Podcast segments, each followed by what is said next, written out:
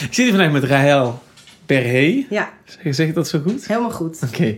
Ehm, ja, e- een van de leuke dingen aan, deze, aan het maken van een podcast, merk ik meteen, is dat ik ineens allerlei berichten krijg. En Ja. soms hele interessante berichten van, van, van, van mensen die me dan benaderen met eh, hier wil ik het over hebben of hier zou je het over moeten hebben. En uit- in die, in die, in die geest kreeg ik ook een bericht van jou, eh, ik denk een maand of twee, drie geleden. Ja, Eh, jij, jij, jij begon eigenlijk meteen als reactie op een, op een story die ik op Instagram had gemaakt, zei je, begon je meteen in te duiken. Toen zei je, hier zou ik het wel graag over willen hebben. ja. Eh, ja, misschien moeten we dat even dat moment terughalen. Weet je nog wat je, wat je, wat je toen Ja, zei? Ik weet even niet op welke story ik gereageerd heb, want ik Het ging, het reageer ging over Nicki Minaj, zag ik gisteren. Het, het, ging, oh, het ging over, ja klopt, want zij had zich natuurlijk uitgesproken. En Ja. wa, wa- zij had zich uitgesproken inderdaad tegen het hele, eh, nou ja goed, eh, prikgebeuren voor ofwel eh, tegen.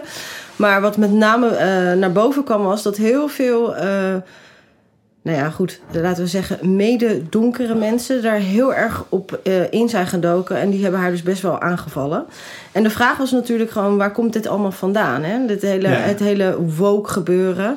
En waar plaats je... Nou ja, goed, ik ben zelf dan... eh, om even maar kort te, te- mezelf te introduceren. Ik ben hier geboren en getogen. Eh, mijn ouders komen oorspronkelijk uit Ethiopië. Nou ja, goed, nu is daar ook wel weer een behoorlijke situatie aan de gang. En wij komen uit het noorden, dus het ligt allemaal vrij gevoelig. En het interessante vind ik vooral in, in, het, in het hele gesprek... eh, ja, wa- wat, wat vinden wij er zelf nou eigenlijk van? Hè? Mensen die gewoon alledaagse mensen, die dus de hele tijd maar eh, in de politiek, eh, op televi- in televisieprogramma's, constant is het zo'n discussie van zwart-wit. Het, is allemaal, het moet allemaal constant moet het een dualiteit zijn. Dus er moet, het, moet versus, het een moet versus het ander zijn. En nou ja, in dit geval, wat mij dus, waar, mij, waar ik me al een tijd aan stoor, is dat je eigenlijk nergens thuis hoort. Je voelt je een beetje een soort van eenzaam. Eh, ik kan me heel goed vinden in bijvoorbeeld bepaalde bevindingen van Thierry Baudet. En ik heb, nou ja, wat, wat, waar, wat voor mij best wel de aanleiding was om hierover na te denken. Ik kreeg een bericht van iemand een tijd geleden, dat was nog eh, voor de verkiezingen zeg maar, van 2020 van Trump. En toen zei hij, we moeten onze vriendschap eh, verbreken. Dit was gewoon een, nou ja, we moeten even in die termen gaan praten vandaag. Witte Nederlander, die mij dan ging vertellen van... ja, we moeten onze vriendschap verbreken... want ik zie dat jij best wel eh, voor Trump bent. En dat, eh, ja, dat, dat, ja, dat, ik, ik vind, Trump is een schurk. En hoe kan je nou, voor, een- hoe kan je nou van zo'n maniak houden? En ehm, ehm, ehm, even kijken, want, want, want eh, we waren net koffie aan het zetten. Toen vertelde jij dat je ouders gevlucht zijn uit Uit het communistisch Ethiopië, ja. het communistisch Ethiopië. Ja, En die zijn naar Nederland gekomen en jij bent in Nederland geboren. Ja, Ehm, ja, dus dat, dat zorgt dan meteen voor een verwarring bij mensen. Dan, dan ben je iemand met een, met een getinte huiskleur of een Ja. donkere huiskleur. Ik weet niet hoe je dat politiek correct zou Nou, moeten de- noemen. de- voor mij mag En, gewoon eh, zoals en je zegt van, nou, ik vind, eh, ik vind het soms wel interessant wat Trump zegt. En ik kan Ja. ook wel sommige uitspraken van Baudet komen. En dat, dat, dat, dat, dan, dan doe je, voldoe je niet aan het pakketje Ja. eigenlijk. Hè? Ja. En dat is eigenlijk het onderwerp waar we vandaag over Ja. willen hebben. Dus, dus, dus eh, je stuurde me... eh, Ik heb hier voor me liggen het berichtje. Ik ga even kijken of ik het... eh, dus je stuurde van... Je zei, ik zou, ik zou echt eens een keer als donkere, wakkere en niet woke vrouw een mening willen geven. Ik denk dat veel denken dat iedere donkere persoon BLM steunt, althans velen, maar dat is niet zo. Ik voel me allesbehalve vertegenwoordigd door BLM. Ik zeg daarentegen niet dat racisme niet bestaat, alleen dat het nu een zwart-wit verhaal geworden is. Ik kan er nog eindeloos over doorgaan, hoe kleur een rol speelt bij mensen van kleur zelf en hoe dat geïndoctrineerd is en ga zo maar door. Kortom, ook hier merk je dat zwarte mensen gekaapt zijn, want je moet je in een hokje passen die door het linkse establishment is gecreëerd. En als je daarin uitstapt, ja, dan heb je een probleem. Ja, Ehm, en daarna zei je, ik ben verder een gewone burger, maar ik merk in deze discussie dat weinige donkere mensen zich hierover uitspreken. En dat niet alleen, er heerst een taboe op. Ik voel me vaak gekaapt door het linkse establishment. Op de middelbare school moet je al invullen waar je ouders zijn geboren, ook al ben je jezelf in Nederland geboren. Het is heel lastig, omdat ik merk dat het vaak twee kanten op werkt. Maar wat ik echt oprecht jammer vind, is dat de Nederlander, de witte, om maar even in kleur te praten, zelf niet trots op, op Nederland en... Oh, sorry. Zelfs niet zelfs niet trots is op Nederland en daar begint het mee. Het trots zijn op Nederland wordt niet overgedragen. Ik zou je graag eens mee willen nemen in het verhaal en hoe lastig het soms is. ja. Dat was eigenlijk je allereerste bericht. Daarna hebben we nog, nog regelmatig berichten uitgewisseld. Ja. Maar eigenlijk daarin terugbladerend merkte ik dat dat eigenlijk al heel erg de kern was van, eh, van zeg maar de boom van waaruit alle takken Ja. groeien. Hè? Ja. Dus is heel interessant. ehm, ik vond het ook een grappig idee dat je zei van ik ben, een gewoon, ik ben, ik ben, ik ben ook een gewone burger. Je? We zijn Ja. allemaal gewone burgers. Ja. Maar toch vond ik het ineens een grappige hoek of zo, of een angle. Zo van, oké, eh, de, de, de tussen aanhalingstekens gewone burger... Ja. eh, die op de een of andere manier niet, toch niet echt een stem krijgt... als je, als je die stem niet verovert. Of Ja. via een soort machiavellistisch gek spel. ja.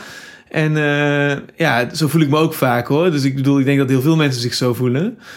En ehm, ja, als we vanuit die hoek eens even kijken wat het oplevert om dat hele idee. te- ja, als we dat hele idee ontrafelen. Hè? Dus van hoe, hoe dat werkt met, eh, met eh, hoe, hoe het racisme-debat in Nederland wordt gevoerd. Hoe Ja. Black Lives Matter daarin wortel schiet. Hoe eh, de narrative wordt gekaapt en eigenlijk gevormd is door linkse goedbedoelende mensen. Nou, ik had ook Zini Oisdiel hier eh, te gast. Die heeft Ja. me ook verteld dat hij Ja. al zijn hele leven er last van heeft. Dat Ja. sluit ik helemaal aan bij jouw waarnemingen. Klopt. Maar ik heb zelf ook gemerkt dat ik ook... Ik, ik, ik, ik, ik sta ook in het theater en ik heb eh, dan een...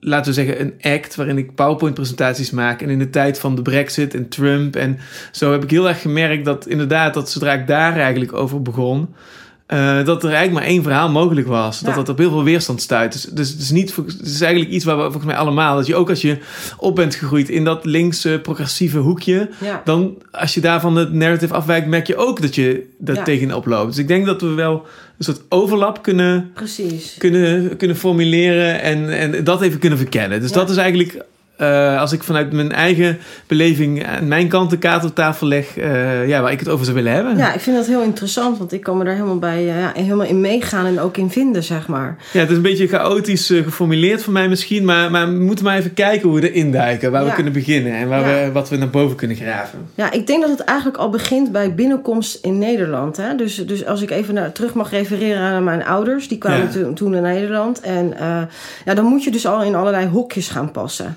Ja. Ja. dat is dus al vrij lastig. Nou goed, mijn moeder en mijn vader die kwamen naar Nederland in de jaren tachtig. Toen was het allemaal nog redelijk ehm ja, gemoedsliegen in Nederland. Hè? Het ging Ja. allemaal nog wel. Er waren natuurlijk wel heftige discussies, maar dat ging dus niet over dit soort eh, problematiek. En eh, nou ja, goed, langzamerhand, wat ik ook heel erg merkte was. In Nederland moet je vooral heel gewoon zijn. Dus je mag niet echt out of the box. Dus, eh, dus Ja. ook als, zeg maar, eh, ben je een succesvolle... Nou, gaan we weer even in allochtoon. Dan is het de vraag, waar haal je het geld vandaan? En als je als Nederlander bijvoorbeeld eh, ervoor kiest om... ehm, eh, harder te werken of eh, andere ambities te hebben, dan, dan, dan, dan ben je niet in een hokje te vatten en dan word je al vrij, dan word je een probleem eigenlijk voor, eh, voor de maatschappij. En kun je, kun je dus alledaagse voorbeelden geven waarin je dat merkt dat je een probleem wordt? Wanneer, nou, Waar nou, zit hem dat in? Waar zit hem dat in? Dat is een goede vraag. Pff, hoe zou ik dat nou het best kunnen formuleren? Nou ja, goed, als je mening dus afwijkt. En als jij dus niet, stel dat jij, stel, nou ja, goed, als je met instanties te maken hebt, dan moet je bijvoorbeeld eh, een bepaald soort. Als je de gescheiden vrouw bent, hè, dus stel je bent afgestoten door je familie, je bent de gescheiden vrouw en je komt bij een instantie, dan word je met alle liefde omarmd. En dat merk je dus ook bijvoorbeeld in asielrelaties. Hè. Dus als, als, als, als, als vrouwen hier naartoe komen of eh, eh, gezinnen, dan merk je al heel snel dat eh, de mannen kunnen bijvoorbeeld al heel snel geen aansluiting vinden. Dat is ook met mijn, mijn vader en vele van deze mannen gebeurd. Die kwamen Ja. naar Nederland en ineens is het van, ja, maar we hebben hier te maken met gelijke rechten. Het is een totaal andere structuur. Hè? Dus een hele andere maatschappij waar je ineens terechtkomt. En dan moet je ineens aan gaan voldoen. En is, het, is, het, is die maatschappij anders dan, dan al het andere? Of is, is die anders zoals elke plek weer net anders is? Is Nederland daarin, op een, is Nederland daarin een soort, of is Europa daarin anders dan heel, dan, ja, ik, ik weet mijn vraag niet helemaal goed te formuleren, maar ja, is dat iets typisch Nederlands of is dat... Ja, nou kijk, in Nederland hebben we natuurlijk gebrek aan flexibiliteit. Dus als jij ook niet op tijd bent met het invullen van je papieren, dan eh, is je, is je proces staakt. Punt. Ja. Nou, eh, weet je, dat, dat soort systemen, is, dat, is wel heel, dat, dat was natuurlijk in de jaren tachtig niet heel Nederlands. Dat had je toen nog niet. Maar dat wordt steeds meer, ook met de automatisering. En op het moment dat jij dan iets mist, Ja, kijk, in, bijvoorbeeld in Afrika of in, nou ja, laten we zeggen in het Midden-Oosten, ja, dan kan je nog even naar de Bali-medewerker gaan en die gaat dan nog wel even kijken of die iets voor je kan regelen. Ja. Die, die, die, die, dat, dat, dat, dat, ja, ik wil het niet menselijk noemen, maar het is een ander soort. Hier, hier hebben we echt termijnen waar we. Alles is in termijnen, alles is in hokjes, alles moet. eh, de houdbaarheidsdatum van je eten. Het, het, het, gaat echt. Het is allemaal zo, ehm, zo gericht. Ja. Dat je soms eh, ja, bijna voor mensen die dan nou, vanuit inderdaad een zeg maar niet-westerse cultuur komen, die, die schrikken daar echt wel van. En ik denk niet eens alleen niet-westerse landen. Of, ik denk dat het voor een Italiaan al lastig is. Ja. Waarin je gewoon in een soort andere soort, ook de maatschappij zelf, hè, waar familie bijvoorbeeld alles om familie draait. En dan kom je hier en het is heel hier gewoon heel individualistisch. Het is gericht op het individu. Dus jij hebt jouw rechten en jij moet aan jezelf denken. Je, kan niet, je moet niet aan je gezin denken, maar je moet aan jezelf denken. Nou, daar begint het eigenlijk al mee. Dus daar ontstaan ontzettend veel fricties binnen gezinnen. Eh, waardoor veel migranten ook gewoon, eh, heel veel migranten die komen naar Nederland en dan scheiden de ouders, omdat dat ook gewoon, het botst gewoon. En eh, vrouwen denken ineens van hé, hey, wacht eens even, oh, het kan ook anders. En dat wil niet zeggen dat de maatschappij per definitie in die landen verkeerd is of het is gewoon een andere maatschappij. En als je dan naar Nederland komt, dan moet je je dus weer aan andere standaarden gaan voldoen. Nou ja, goed, in het geval van mijn moeder, die, die, mijn ouders zijn toen gescheiden. En mijn moeder heeft er toen voor gekozen om bijvoorbeeld, eh, ja, die wilde gewoon zelf ondernemen. Die is toen tolk, eh, die, die, die, ja, die, beoefent het beroep van tolk. En dat doet ze al heel lang en dat doet ze ook al heel eh, met veel passie en plezier. Maar je, je, je ziet dus ook in die, ja, dat je dan, dan kies toch gewoon een andere weg. Nou, dat wordt dan enigszins omarmd. Maar dan merk je ook wel weer dat wanneer je dan groeit en ontwikkelt, dan, dan krijg je ook met bepaalde ja, stereotypen te maken. Dus eh, mijn moeder had bijvoorbeeld eh, een auto gekocht. En toen zei de buurman van nou, eh, het is dat ik weet wat voor werk u doet, maar anders had ik er wel andere vragen bij gesteld. En dan denk je, hè? Ja, ze, staat elke, dus gaat elke dag ging ze om vijf uur de deur uit. En ik was als kind, moest echt voor mezelf zorgen op zulke momenten. Ja. En, en dat zijn van die. Ja, eh, dan ben je al. Dan ga je al langzamerhand out of the box. Hè? Dus dan ben je Ja. dus een soort proces waar je doorheen gaat.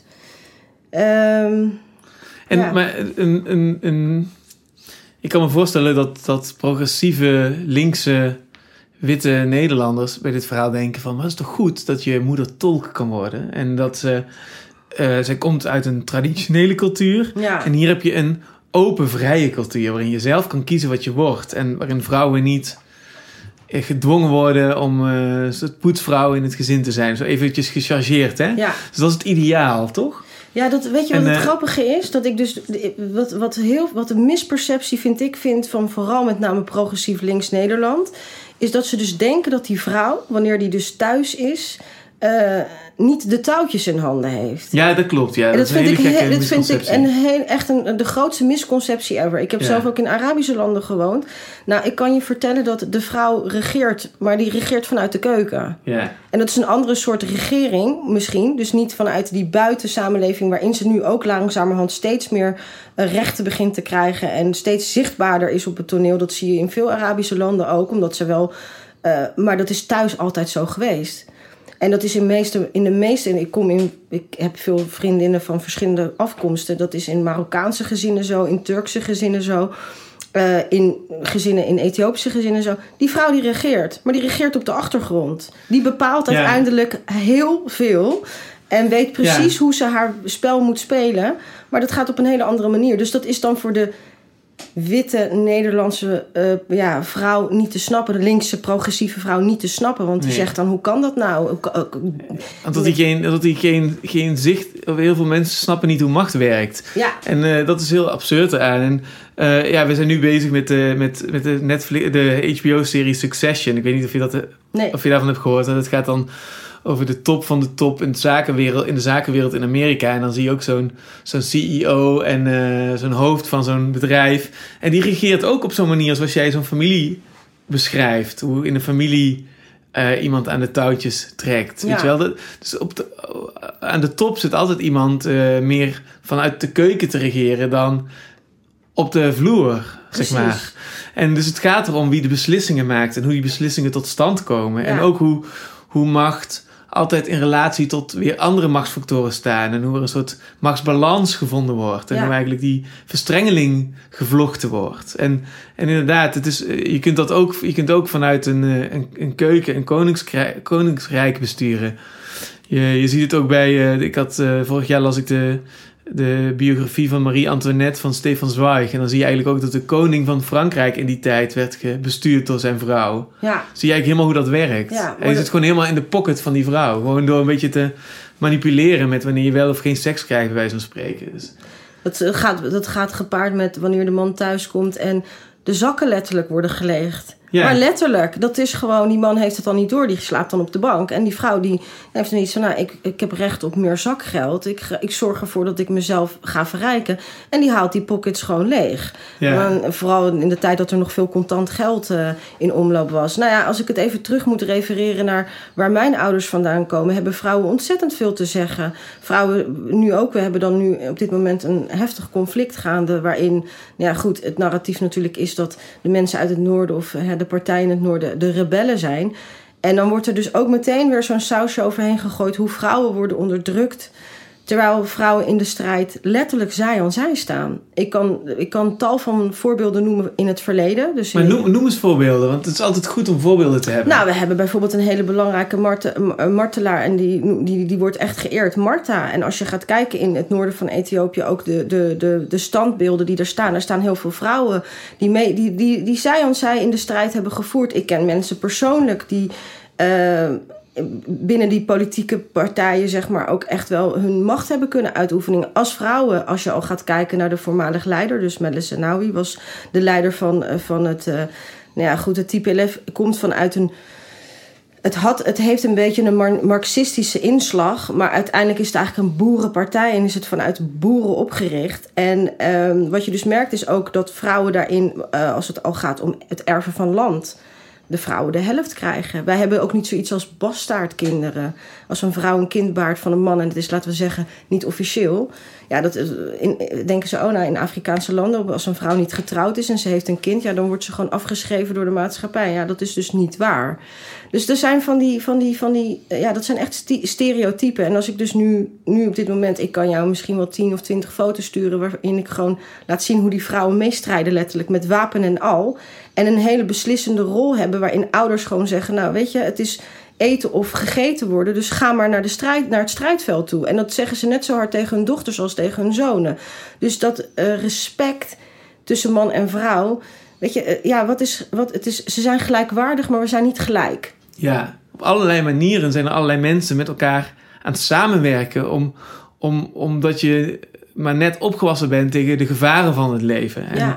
en dat, is, dat, is, eh, dat, is, dat is al ingewikkeld genoeg. En, Ja. en dan gaan we hier in Nederland vanuit een soort eh, naïef, eh, idealistisch, utopisch idee... voor dat de wereld een soort UNICEF-poster moet zijn Ja, inderdaad. nadenken vanuit van nee, maar vrouwen moeten dit en mannen moeten dat. En dan gaan we naar, naar, inderdaad naar die gelijkheid streven. Terwijl Ja. jij zegt van nee, maar er is ook, er kan ongelijk. Hoe zeg je dat? Ja, je zei net heel mooi. Het is, het maar- is, je, bent wel, je, bent wel, je bent gelijkwaardig, maar niet gelijk. Ja, je hebt dus- gewoon een andere rol. Je hebt een andere rol in de maatschappij. En ik, ik, dat is een heel mooi gesprek van Jordan Peterson. Maar ik ben even de sociologe kwijt. Een Italiaanse socioloog. En die vertelt over haar familie.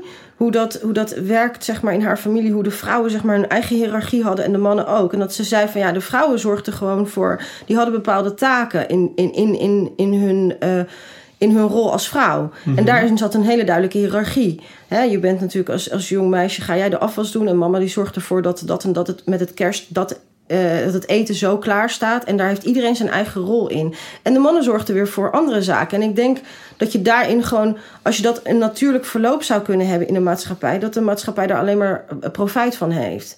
Maar wat je nu heel erg merkt is, en dat merk ik ook gewoon in onze eigen omgeving, dat vrouwen eigenlijk niet helemaal hun rol meer kennen. Dus ze zijn een soort van verdwaald. En dan hebben ze ook nog die vermenging met cultuur. Dus dan, dan botsen ze, dan zeggen ze van nou ja, in onze cultuur, maar dan ja, dan denk ik van ja, maar je, je belicht nu een bepaalde zaak omdat je dus wil gaan refereren aan een establishment dat eigenlijk niet begrijpt dat er in onze cultuur dat vrouwen wel degelijk een machtspositie hebben, maar die, die verhoudt zich op een andere manier dan wat eh, de establishment zou willen zien. Dus het is misschien niet zozeer op de voorgrond. Ja. En misschien niet in zozeer in zo'n leiderschapsrol waarin we met z'n allen eh, aan, de, aan de voorkant staan. Maar die is er wel degelijk. En als je gaat kijken naar de dagelijkse invulling daarvan, hoe vrouwen dat eh, ook in, ja, laat ik het zeggen, als ik het even naar mezelf moet eh, betrekken. Mijn moeder heeft ontzettend veel invloed op mij. En die, die heeft ook een bepaalde manier van hoe ze de regie eh, in handen heeft, hoe ze met, met, met familieleden omgaat, hoe zij, als het gaat om bijvoorbeeld de beslissingen die er genomen moeten worden, dan is zij degene die dat doet. En ehm, dan hebben we eigenlijk de mannen. Zij, zij, wordt gebeld door een neef uit Zweden die haar om advies vraagt. En niet andersom. Zij weet wel wat ze moet doen. Maar dan, is het, dan wordt zij. Dus daarin denk ik van. Ja, we, we zijn eigenlijk een soort van. Je wordt daardoor gewoon ook. ehm, je raakt echt in de war. Want dat merk je dus heel erg nu in Nederland met. eh, nou, dat is dan die rol van die vrouw. En dan krijg je dus nu weer het kleurtje er, het sausje eroverheen van de huidskleur of van de achtergrond. Waarin dus continu eh, wordt gepropageerd van eh, wij moeten vrouwen, eh, hè, de allochtone vrouwen, moeten wij de vrijheid en de ruimte bieden. En wij moeten zorg dragen dat, dat, dat die vrouwen meer zeggenschap hebben in, de, in hun cultuur en in hun maatschappij. Nou, nou zijn wij daar misschien enigszins van bewust. Ik ben daar heel erg van bewust dat ik dit narratief gewoon totaal niet steun. En dat het mij heel erg tegenstaat. En ik denk dat er ook heel veel vrouwen in mijn omgeving, vriendinnen van mij, die zeggen ook van ja, dit is, weet je, dit is, gewoon, dit is gewoon een soort van nieuwe agenda die uitgerold moet worden. En waarin wij in hokjes en plaatjes moeten gaan voldoen. Maar daar willen we eigenlijk niet eens aan voldoen. En dan heb je dan ook daarnaast de nieuwe migranten. Hè? Dus de, en daar veroorzaakt het wel ontzettend veel verwarring. Hoe, hoe voed je je kinderen op? Hoe ga je om met uh, de maatschappij, de omgeving? Uh, hoe, hoe zie je je man eigenlijk nog? Hè? Waarin je misschien geleerd hebt om ja, bepaalde. Uh, ja, niet eens zozeer geleerd hebt, maar waarin je gewend bent geweest hoe, hoe zaken gingen. En je komt dan ineens in Nederland en dan is het van nee, maar jij moet aan jezelf denken. En, en, en dan komt er een familiepsycholoog bij en die gaat dan vertellen hoe jij thuis jouw gezin moet draaiende houden. En waarin jij je man moet vertellen hoe hij met jou moet omgaan. Nou, dat creëert zoveel frictie. Het is, uh, ja, het is heel lastig. En de frustratie ook weer bij de mannen. Ja. Ja, het is heel interessant, want ik kan tijdens jouw verhaal alleen maar denken van ja, hoe, hoe, hoe, is, hoe is deze puinhoop nou in godsnaam ontstaan? En dan, ja, ik heb het alleen maar meegekregen vanuit ik, ben, ik kom dan uit Valkenswaard. Toen ben ik naar Eindhoven gegaan. En toen naar Utrecht. En nu zit ik in Amsterdam. En ik kom uit de, via de jaren 80, 90 naar nu, zeg maar. Ja. Dus ik heb datzelfde meegemaakt vanuit uh, dat... Ja, wat ik dan eerst zag als gewoon een heel, inderdaad... vredelievend, opbenullig, uh, Vinex-wijkachtig landje of zo. En dan... In mijn jeugd werd het duidelijk dat...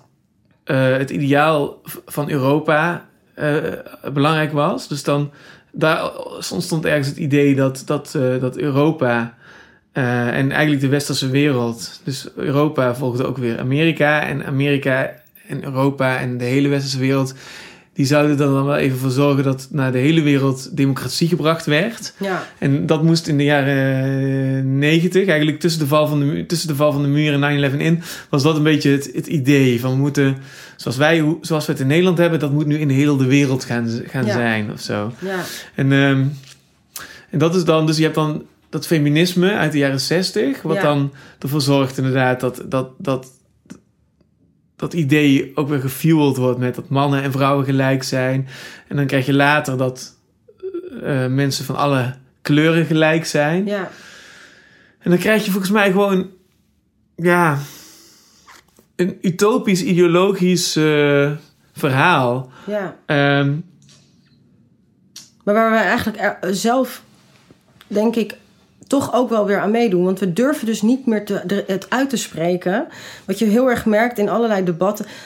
Ik heb me ook altijd gestoord aan ehm, het hele diversiteitsvereiste. Wat je dan Ja. ziet bij sollicitaties. Dat ik denk, verdomme, ik wil aangenomen worden op mijn kwaliteiten. wanneer is dat begonnen? Dat diversiteits... eh, Wanneer is dat Denken? begonnen?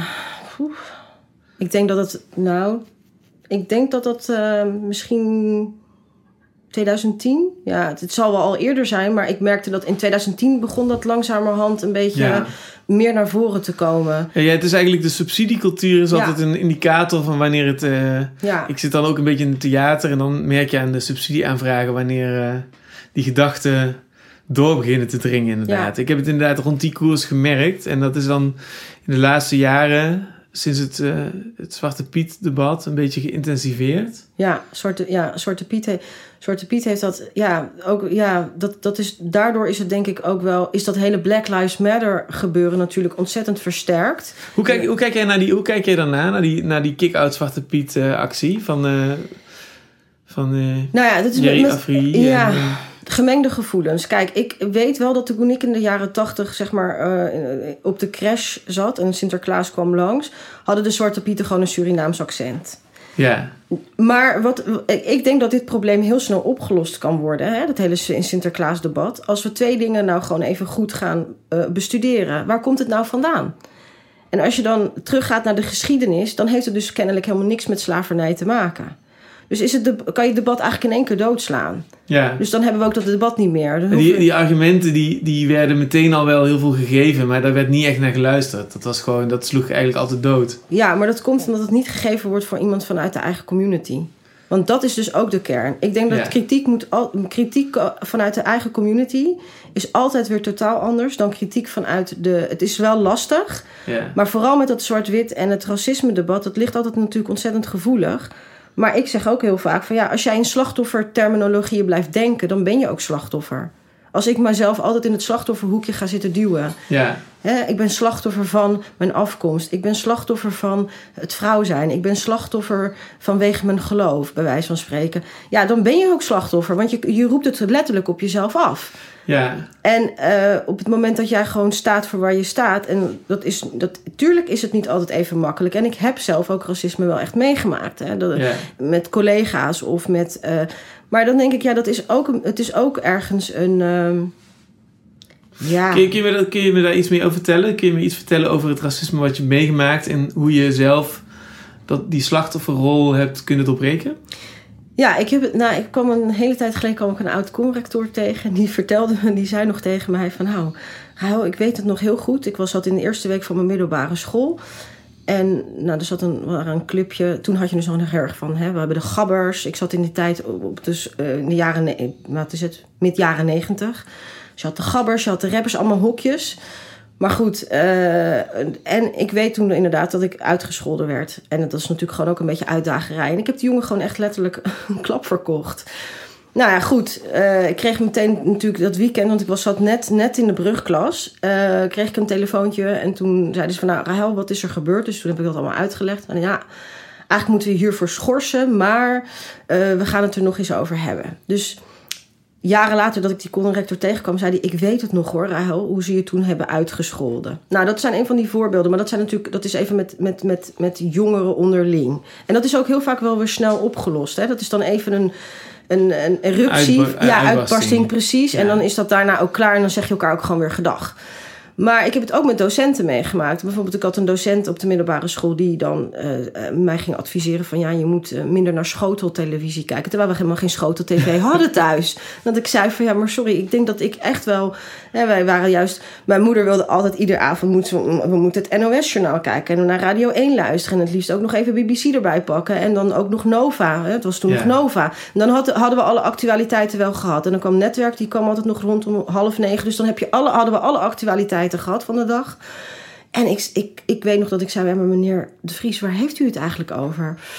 En ja, goed, het, uit, En uiteindelijk... hij heet ook meneer De Vries. Ja, maar we hebben, uiteindelijk is het echt ook... Ja, precies. Maar het was ook helemaal niet een onaardige man verder. En we, hebben, we hebben toen ook... eh, maar ik ja, weet dus wel, eigenlijk dat, dat, dat, dat de twee voorbeelden die je nu meteen geeft over racisme zijn meteen redelijk onbenullige en makkelijk op te, intern op te lossen conflicten. Ja. Maar als je die bij elkaar op de hoop gooit, dan kun je een heel mooi metanarratief creëren over dat er overal racisme is. En dat we dat moeten uitbannen. Ja, En eh, alleen ja, dat, dat, dat zien we nu. Daar richt je eigenlijk veel meer schade mee aan dan dat je er iets mee oplost. Want je kunt best wel, als je gewoon mondig bent, zeggen van nou meneer de Vries, we hebben gewoon ja. gisteren de avond... eh, Ja, het is wel lastig. Nederland want je 1 moet- gekeken, hè? Ja, je moet wel altijd met de, voor, de vooroordelen op zichzelf zijn natuurlijk wel vermoeiend. Ja. Als jij constant maar je, Dat- je dat moet, aantonen dat je, an- dat je echt niet zo bent, dan op een gegeven moment denk je ook van ja, maar sorry. Eh, zorg nou gewoon ervoor dat als ik inderdaad iedere dag naar Schotel TV kijk, dat mijn Nederlands gewoon eh, op, op optimaal niveau is. Ja. En dat ik gewoon mijn eindexamens kan halen. Dus het is ook ergens wel weer heel vervelend dat je altijd moet boksen tegen een bepaald idee wat er kennelijk heerst. Dat je al bij voorbaat thuis schotel-tv hebt. En al zou je dat hebben, dat wil nog niets zeggen over jouw prestaties. Dus het is, dat, dat, zijn wel, dat zijn wel lastige zaken. Het is natuurlijk niet per definitie racisme. Waar ik het meer in heb gemerkt is... Dat is dan weer de hele andere kant. Is dat je vooral... ehm, als, jij, als jij inderdaad... Zeg maar, je, je wilt, wilt ehm, promoveren binnen een bepaalde baan. Ja, dan moet je dus heel erg laten, moet je heel erg laten merken dat, je, dat, jij, dat jij dat verdient. Maar dan, moet je dus heel erg meegaan in dat, dat verhaal van eh, ik als zelfbewuste allochtone vrouw. En ik, eh, ik verdien dit plekje gewoon. En dan zijn er natuurlijk een paar managers die zeggen van... goh, laten we eens gaan kijken of we haar een plekje kunnen geven... waar ze wat meer tot haar recht komt. Maar op het moment dat jij je dan tegen bepaalde zaken uitspreekt... of je bent het niet eens met de gang van zaken...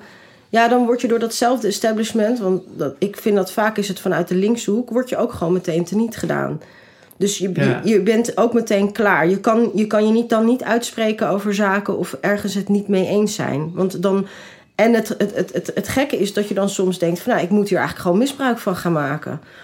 Dus, dus Maar dat denkt elke ondernemer ik, ergens. Of ik bedoel, volgens mij is...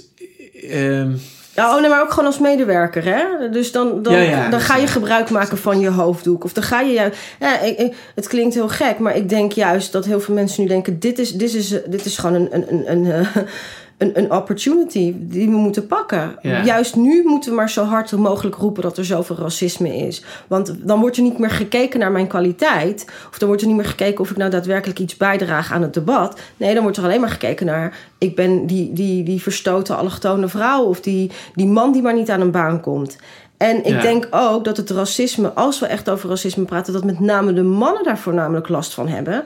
Omdat ze, eh, en daar kan ik bijvoorbeeld ook wel direct de voorbeelden van noemen van een, een collega die gewoon, een oud collega die gewoon echt. Eh, die, die kwam hier om te studeren, die heeft uiteindelijk. Maar die dus nergens aan de bak kwam. Want ze zeiden van nee, sorry, we kunnen jou hier echt niet gebruiken. En uiteindelijk is dat wel goed gekomen. Maar die bo- boksen en met het feit dat ze man zijn. Dus je hebt al zo'n zo'n stereotype beeld van Ja. nou, het is een man en eh, we kunnen beter een vrouw hebben, want die zijn natuurlijk wat eh, socialer. En, wat, eh, en, dan- en, en, en dan nog een kleurtje te hebben. Dus ik denk ook dat als je hier nou een donkere man zou hebben zitten, dan zou die misschien wel een heel ander verhaal vertellen over hoe vaak hij wordt gecheckt als hij de kruidvat of de Albert Heijn binnenloopt. En dan, en dan, dan kan, je wel, kan je het wel merkbaar voelen dat er bepaalde Ja. stereotype beelden zijn. Ja, ja, ja dus mensen, mensen hebben het altijd over dat er geïnstitutionaliseerd racisme is, toch? Dat is eigenlijk het verhaal nu in Nederland. Ehm, hoe, hoe zie jij dat? Is daar, is daar, zit daar waarheid in die claim?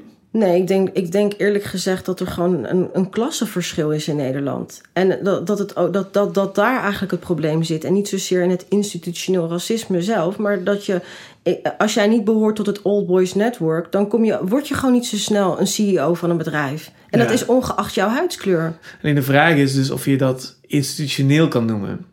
Daar twijfel ik altijd over. Ik denk dan van, het, volgens mij is, is er niet een, een soort van samenwerking van waarbij al die Nee. systemen, ehm, ja, dat die, zeg maar, dat, dat racisme, racisme inherent is. Is- Ik denk dat het gewoon in, in aspecten zit. Bijvoorbeeld, ja, een heel goed voorbeeld vind ik in Nederland eh, het probleem met solliciteren. Dat, Ja. dat mensen met een, een niet-Nederlandse achternaam lastiger aan de bak komen.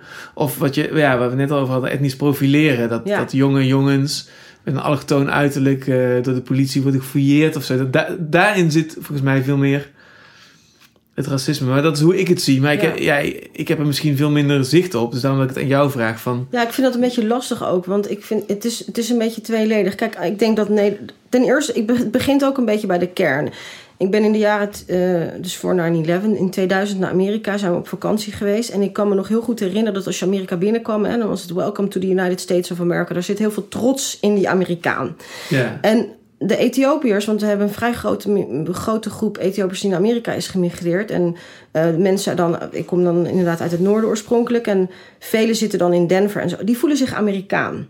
Dus per definitie, ze zijn ja, ze komen, ze hebben dus twee identiteiten. En beide identiteiten zijn prima in te vullen. Dus de trots voor het zijn van een Amerikaan, daar staan ze voor. Hè?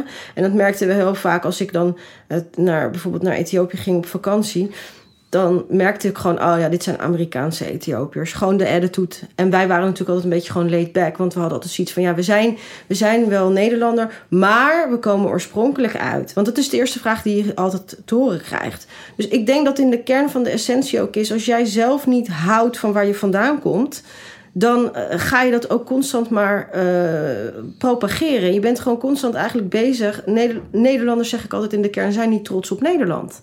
En wanneer er dan iemand komt die zegt, maar we moeten trots zijn op onze cultuur en op onze identiteit, dan, dan is het van dat kan niet. Ja, maar als er, een, en dat, dat is dan ook zo typisch, wanneer er bijvoorbeeld een bruiloft is eh, van, van een, nou, noem maar op, een Turk, Marokkaan of eh, wij zijn vrij uitbundig in onze huwelijken. Dat is ook zo.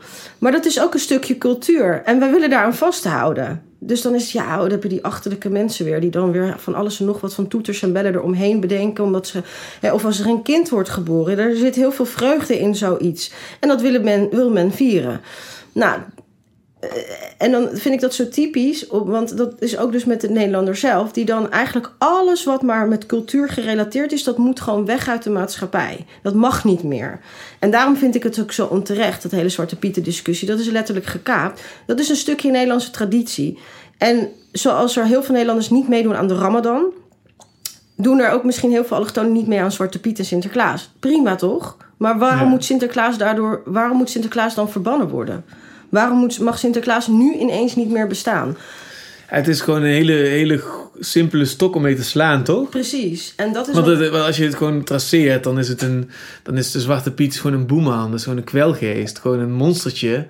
Eh, en als je kijkt naar hele oude foto's, dan, dan is geen zwart gesminkte man, maar dat is gewoon een, een harige, grijze eh, hobbit of zo. Ja. Die gewoon eh, met, een, met, een, met een roede kinderen slaat en pest en kwelt. En als je dan kijkt naar...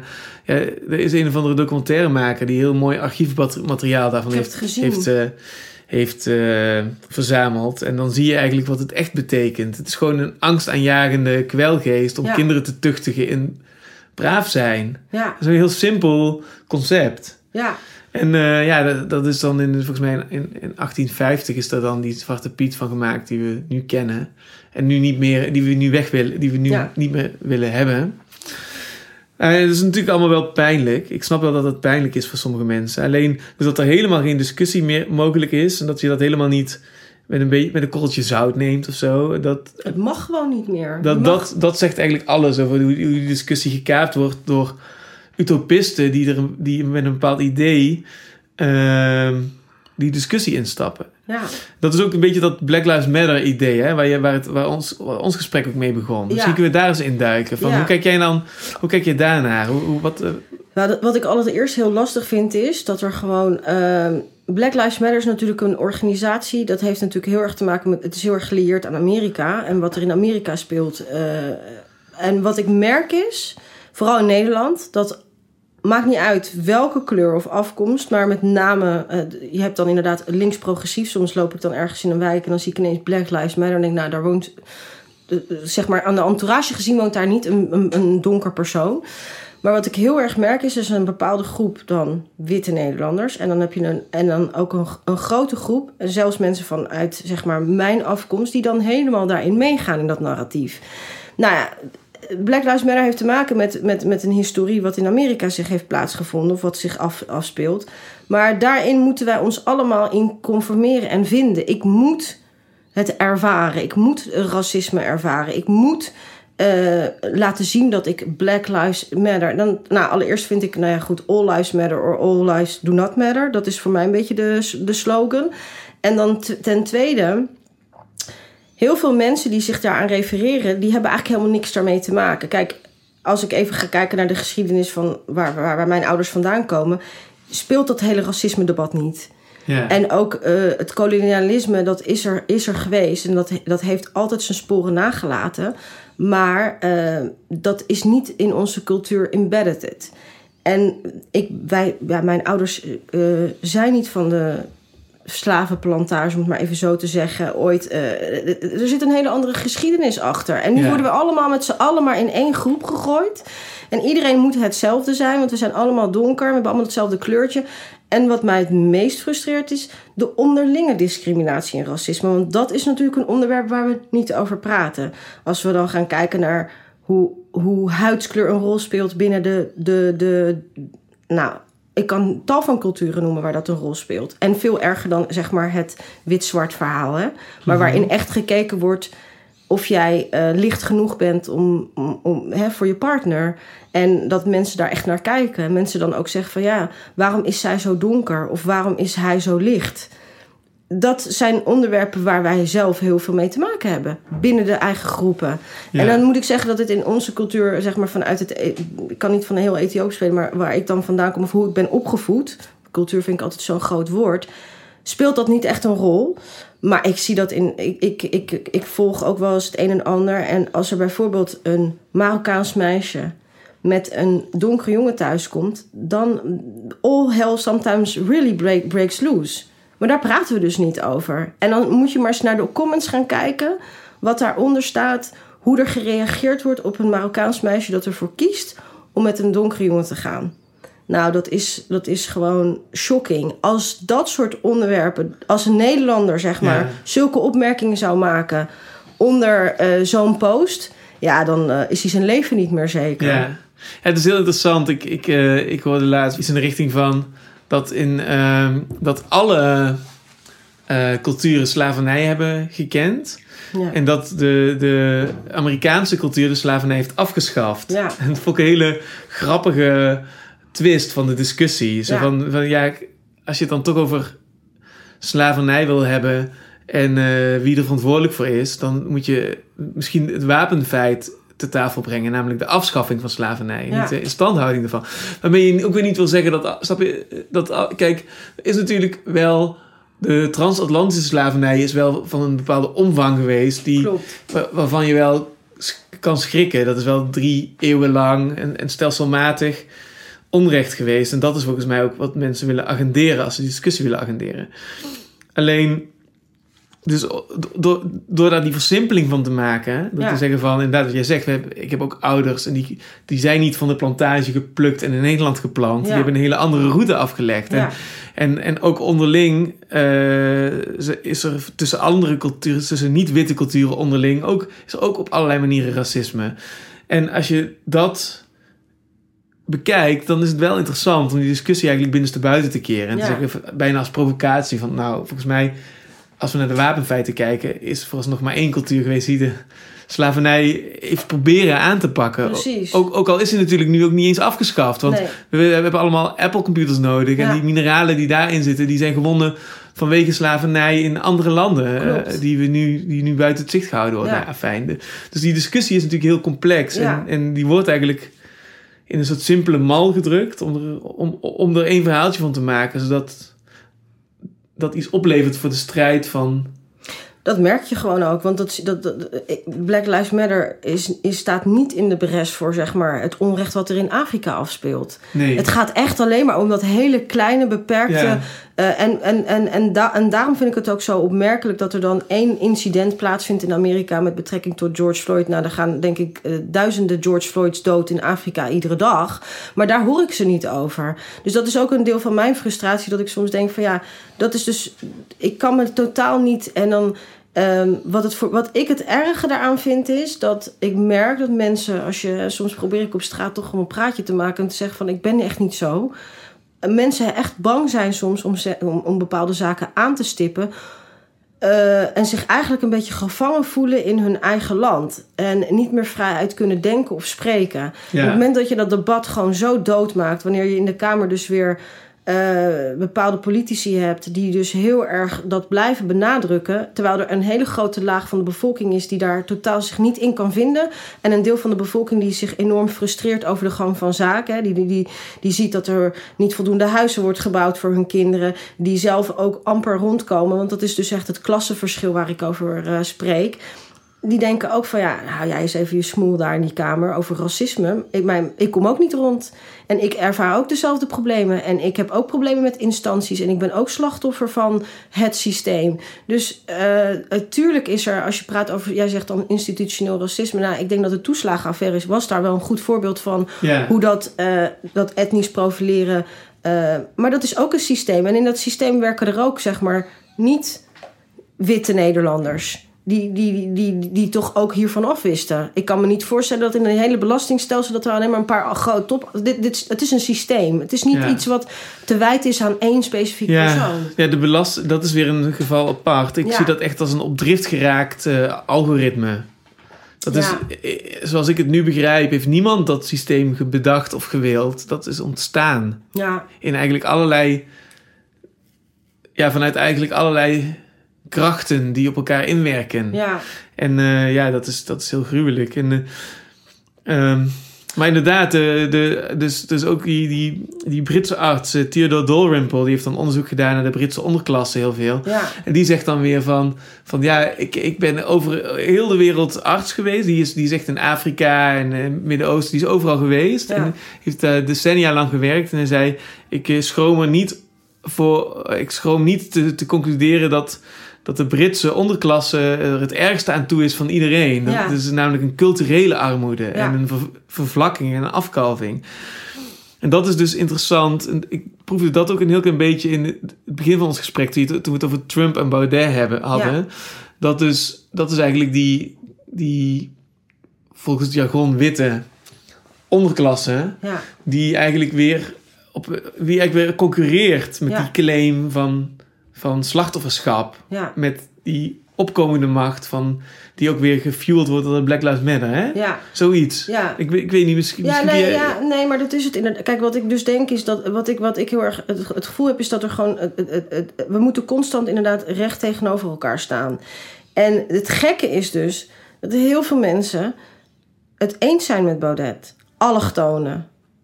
En Kun je daar iets over zeggen? ja, daar kan ik zeker wat over zeggen. Want uiteindelijk, wij leven in Nederland. Ja. Ik ben een Nederlander. Weet je, hoe je het ook went of keert. Dus wat wil je? Je wil dat jouw nazaten, jouw kinderen, je kleinkinderen... dat die gewoon een goed leven leiden. Kijk, mijn moeder heeft altijd nog met haar koffer klaargestaan... om ooit terug te gaan. Want die, die, die, die miste de zon. En dat, heeft, dat is dus ook dat stukje van het niet compleet je kunnen overgeven in Nederland... omdat je je nooit totaal geaccepteerd voelt. Maar dat heeft ook, denk ik, weer... dat zit hem weer in dat hokjesdenken waar ik het ook eh, over had. Maar Ik kan me ook letterlijk voorstellen dat je de zon mist trouwens. Als je... ja, je DNA. Het is gewoon je DNA. Het is ook niet raar als je zegt we moeten lokaal opvangen. Eh, eh, Ik, ik, ik, ik, ik sta daar niet raar tegenover. Ja. Maar zorg er wel voor dat de middelen er zijn. Want Maar- ik, ik ben daar echt van oprecht van overtuigd. Hè. Dus, dus even naar, terug naar Baudet die dan zegt stop de massamigratie. Het jammer is dat hij dan natuurlijk... eh, hij krijgt niet de ruimte misschien om dat voldoende te... eh, hoe zeg je dat? eh, te onderbouwen in zo'n debat. Je krijgt maar een klein stukje te zien van wat hij daarmee bedoelt. Maar ik snap ook wel zijn insteek. En wat denk je dat hij bedoelt? Ja, dan ga ik Stel het dat jij- invullen. Nee, maar ik bedoel, stel, stel, wat denk je dat hij... Ja, niet om hem in te vullen, maar gewoon om...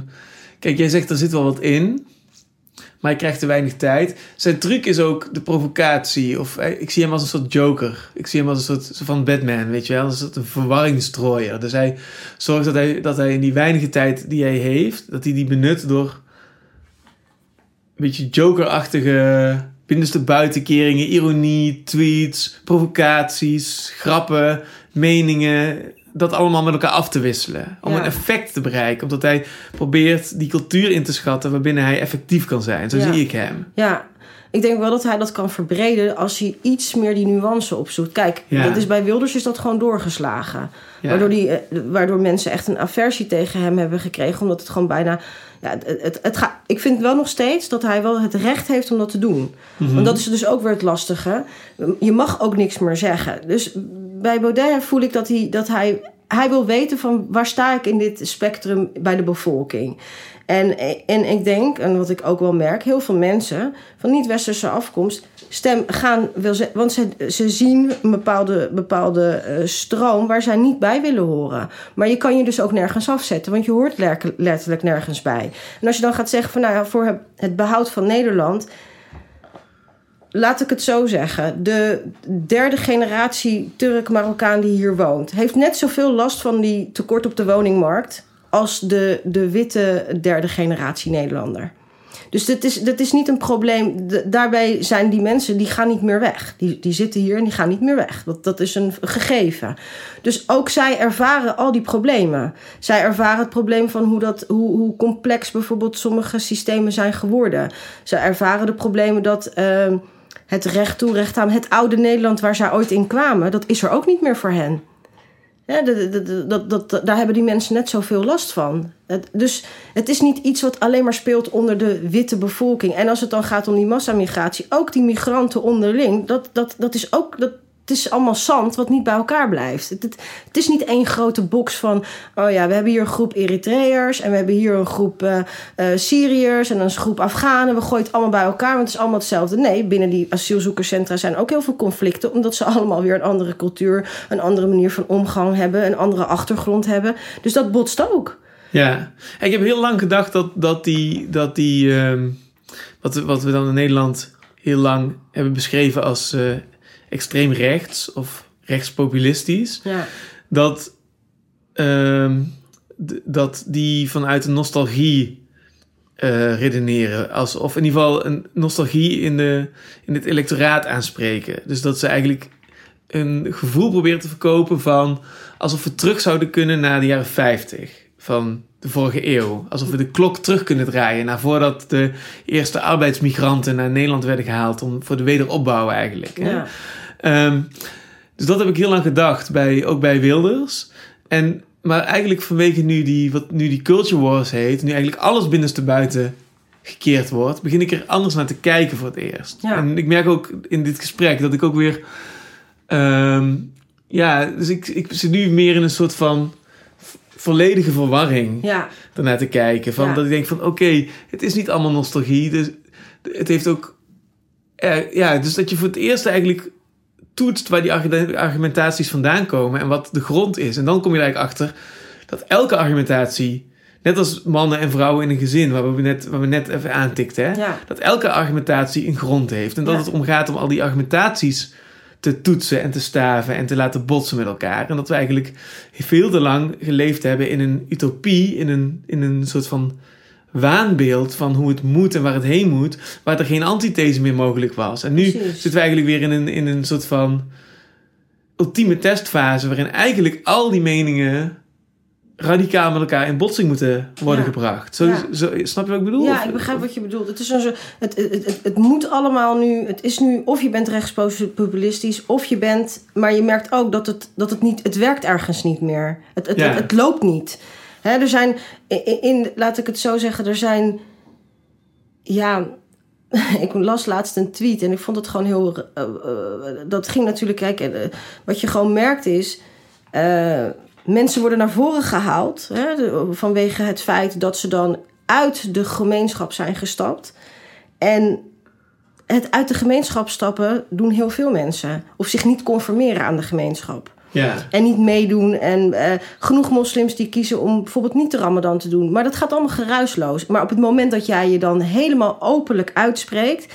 dan is het dezelfde establishment die eigenlijk vindt... dat je, je, mag, je mag niet te rechts worden van het spectrum. Ja. Dus je moet ook niet te veel uh, sympathie gaan tonen met inderdaad een Baudet of met een Trump. Want dan word je ook afgeschreven.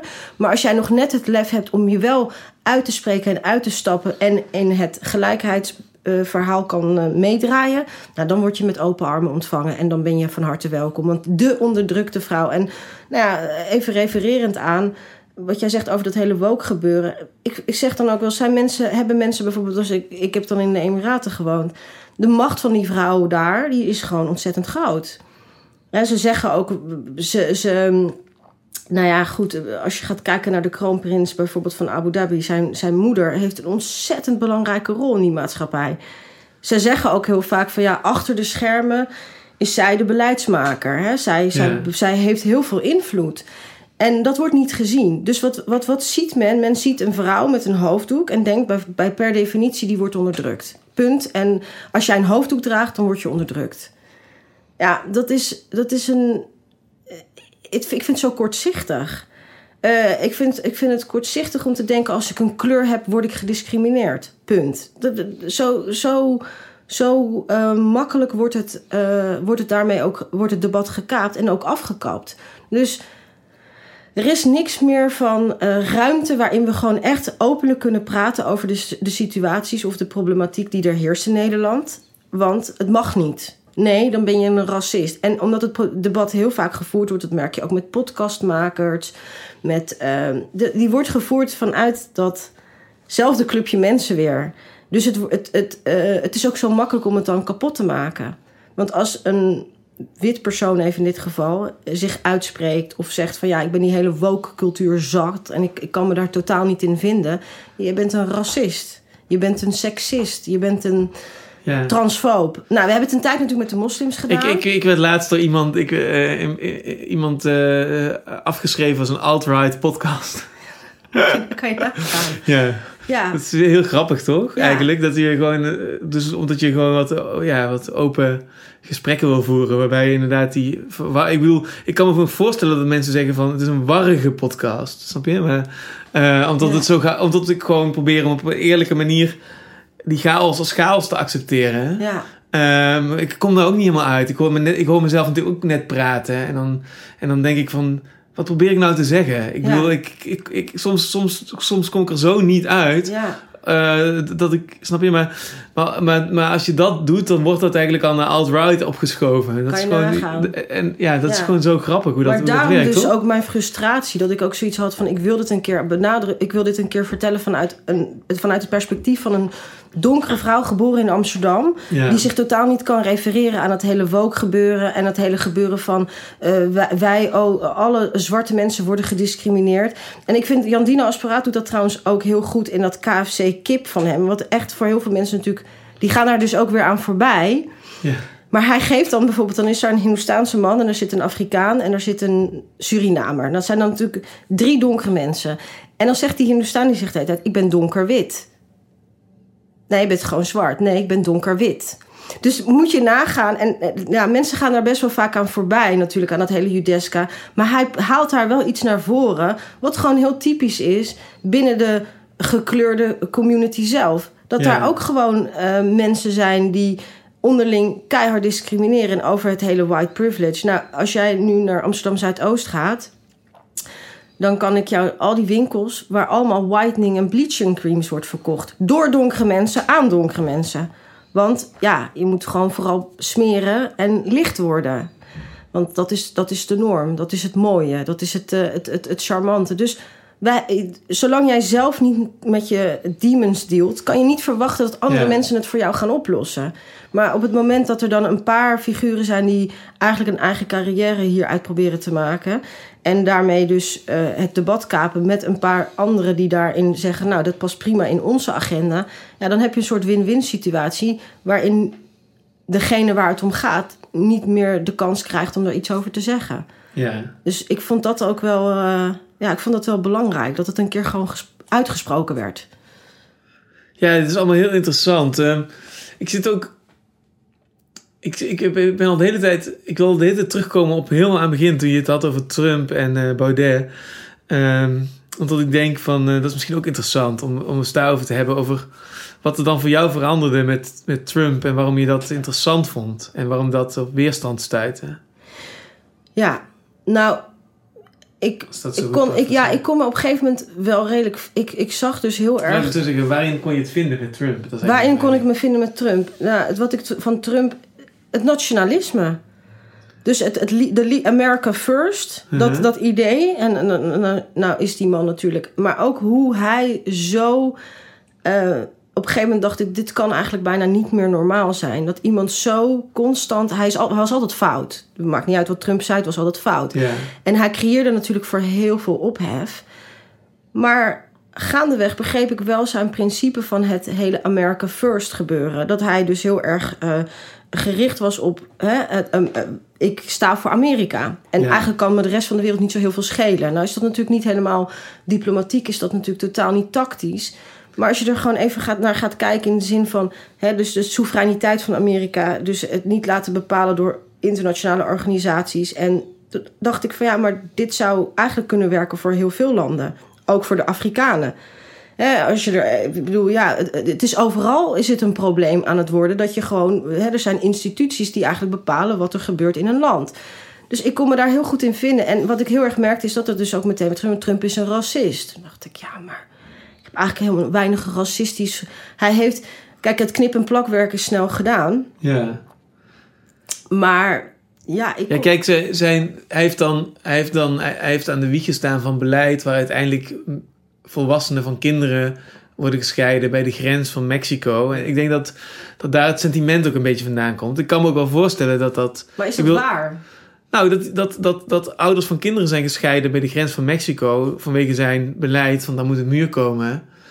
Eh, dat is wel waar. Ja, maar dat gebeurt dus in zoveel andere landen ook. Ja, nee, ik bedoel, Snap, natuurlijk. Je, snap je de, de- Natuurlijk, maar ik bedoel, ik probeer Ja. niet nu... ehm, want ik, ik, ik probeer alleen even te duiden waar naar mijn Ja. idee dus het sentiment vandaan komt. Ja, Ehm, maar, maar dat, dat... Je zou evengoed een zaak kunnen maken van het feit dat Trump... Doordat Trump zo stelselmatig ondermijnd wordt... Dat er niet eens een mogelijkheid ontstaat om zijn beleid goed uit te voeren... Waardoor er halfbakken beleid komt. Waardoor die, die, dat amateurisme bij die grens ontstaat. Ja. Dat kun je ook zeggen. ja, Snap je? Ik weet niet wat er precies aan de hand is. Maar ik heb wel ehm, inderdaad eh, met de jaren geleerd dat je het inderdaad niet moet vertrouwen op wat de media ervan maakt. Want, want dat, Dat dat, is is een heel maar. simpel, Ja. eenduidig en vaak dom verhaal. ja. En ja, dus jij zegt eigenlijk die, die America First gedachte, dat, dat begrijp ik wel. Ja, dat begrijp ik wel. Omdat ik dus, ik denk dat vanuit dat idee, dat, dat, en dat is dus ook weer. En ik merkte dat ook heel veel zwarte mensen gewoon met Trump eens waren. Ja, Dat vond ik heel opmerkelijk, dat er heel, een hele grote Latin American community was die Ja. Trump gewoon echt steunde. Terwijl, nou ja, goed, wat er aan de grens komt, zijn natuurlijk mensen uit Latijns-Amerikaanse landen. ja, Dus gek genoeg dacht ik van, hé, hey, hoe kan dat eigenlijk? Omdat zij dus ook zagen dat hun Amerika, waar zij dus, waar zij, hè, ze zijn natuurlijk onderdeel van dat Amerika, zagen ze langzamerhand gewoon de afgrond ingaan op een bepaalde manier. En waarin die polarisatie steeds groter werd. En ja, dan ga je luisteren naar mensen zoals Candace Owens. En dan denk ik, ja, zij wordt ook zo in die hoek geduwd van. Zij, mag, zij moet vooral de mond houden. Want ze, wat zij zegt, dat is natuurlijk. Je, je tikt gewoon bepaalde boxen. En toen dacht ik, ja, dat is dus ook wel heel vaak zo. Als jij constant maar het slachtofferschap op je afroept. En heel veel zwarte Amerikanen die, hebben dat, die zijn er eigenlijk wel klaar mee. Hè? Dat je dus constant.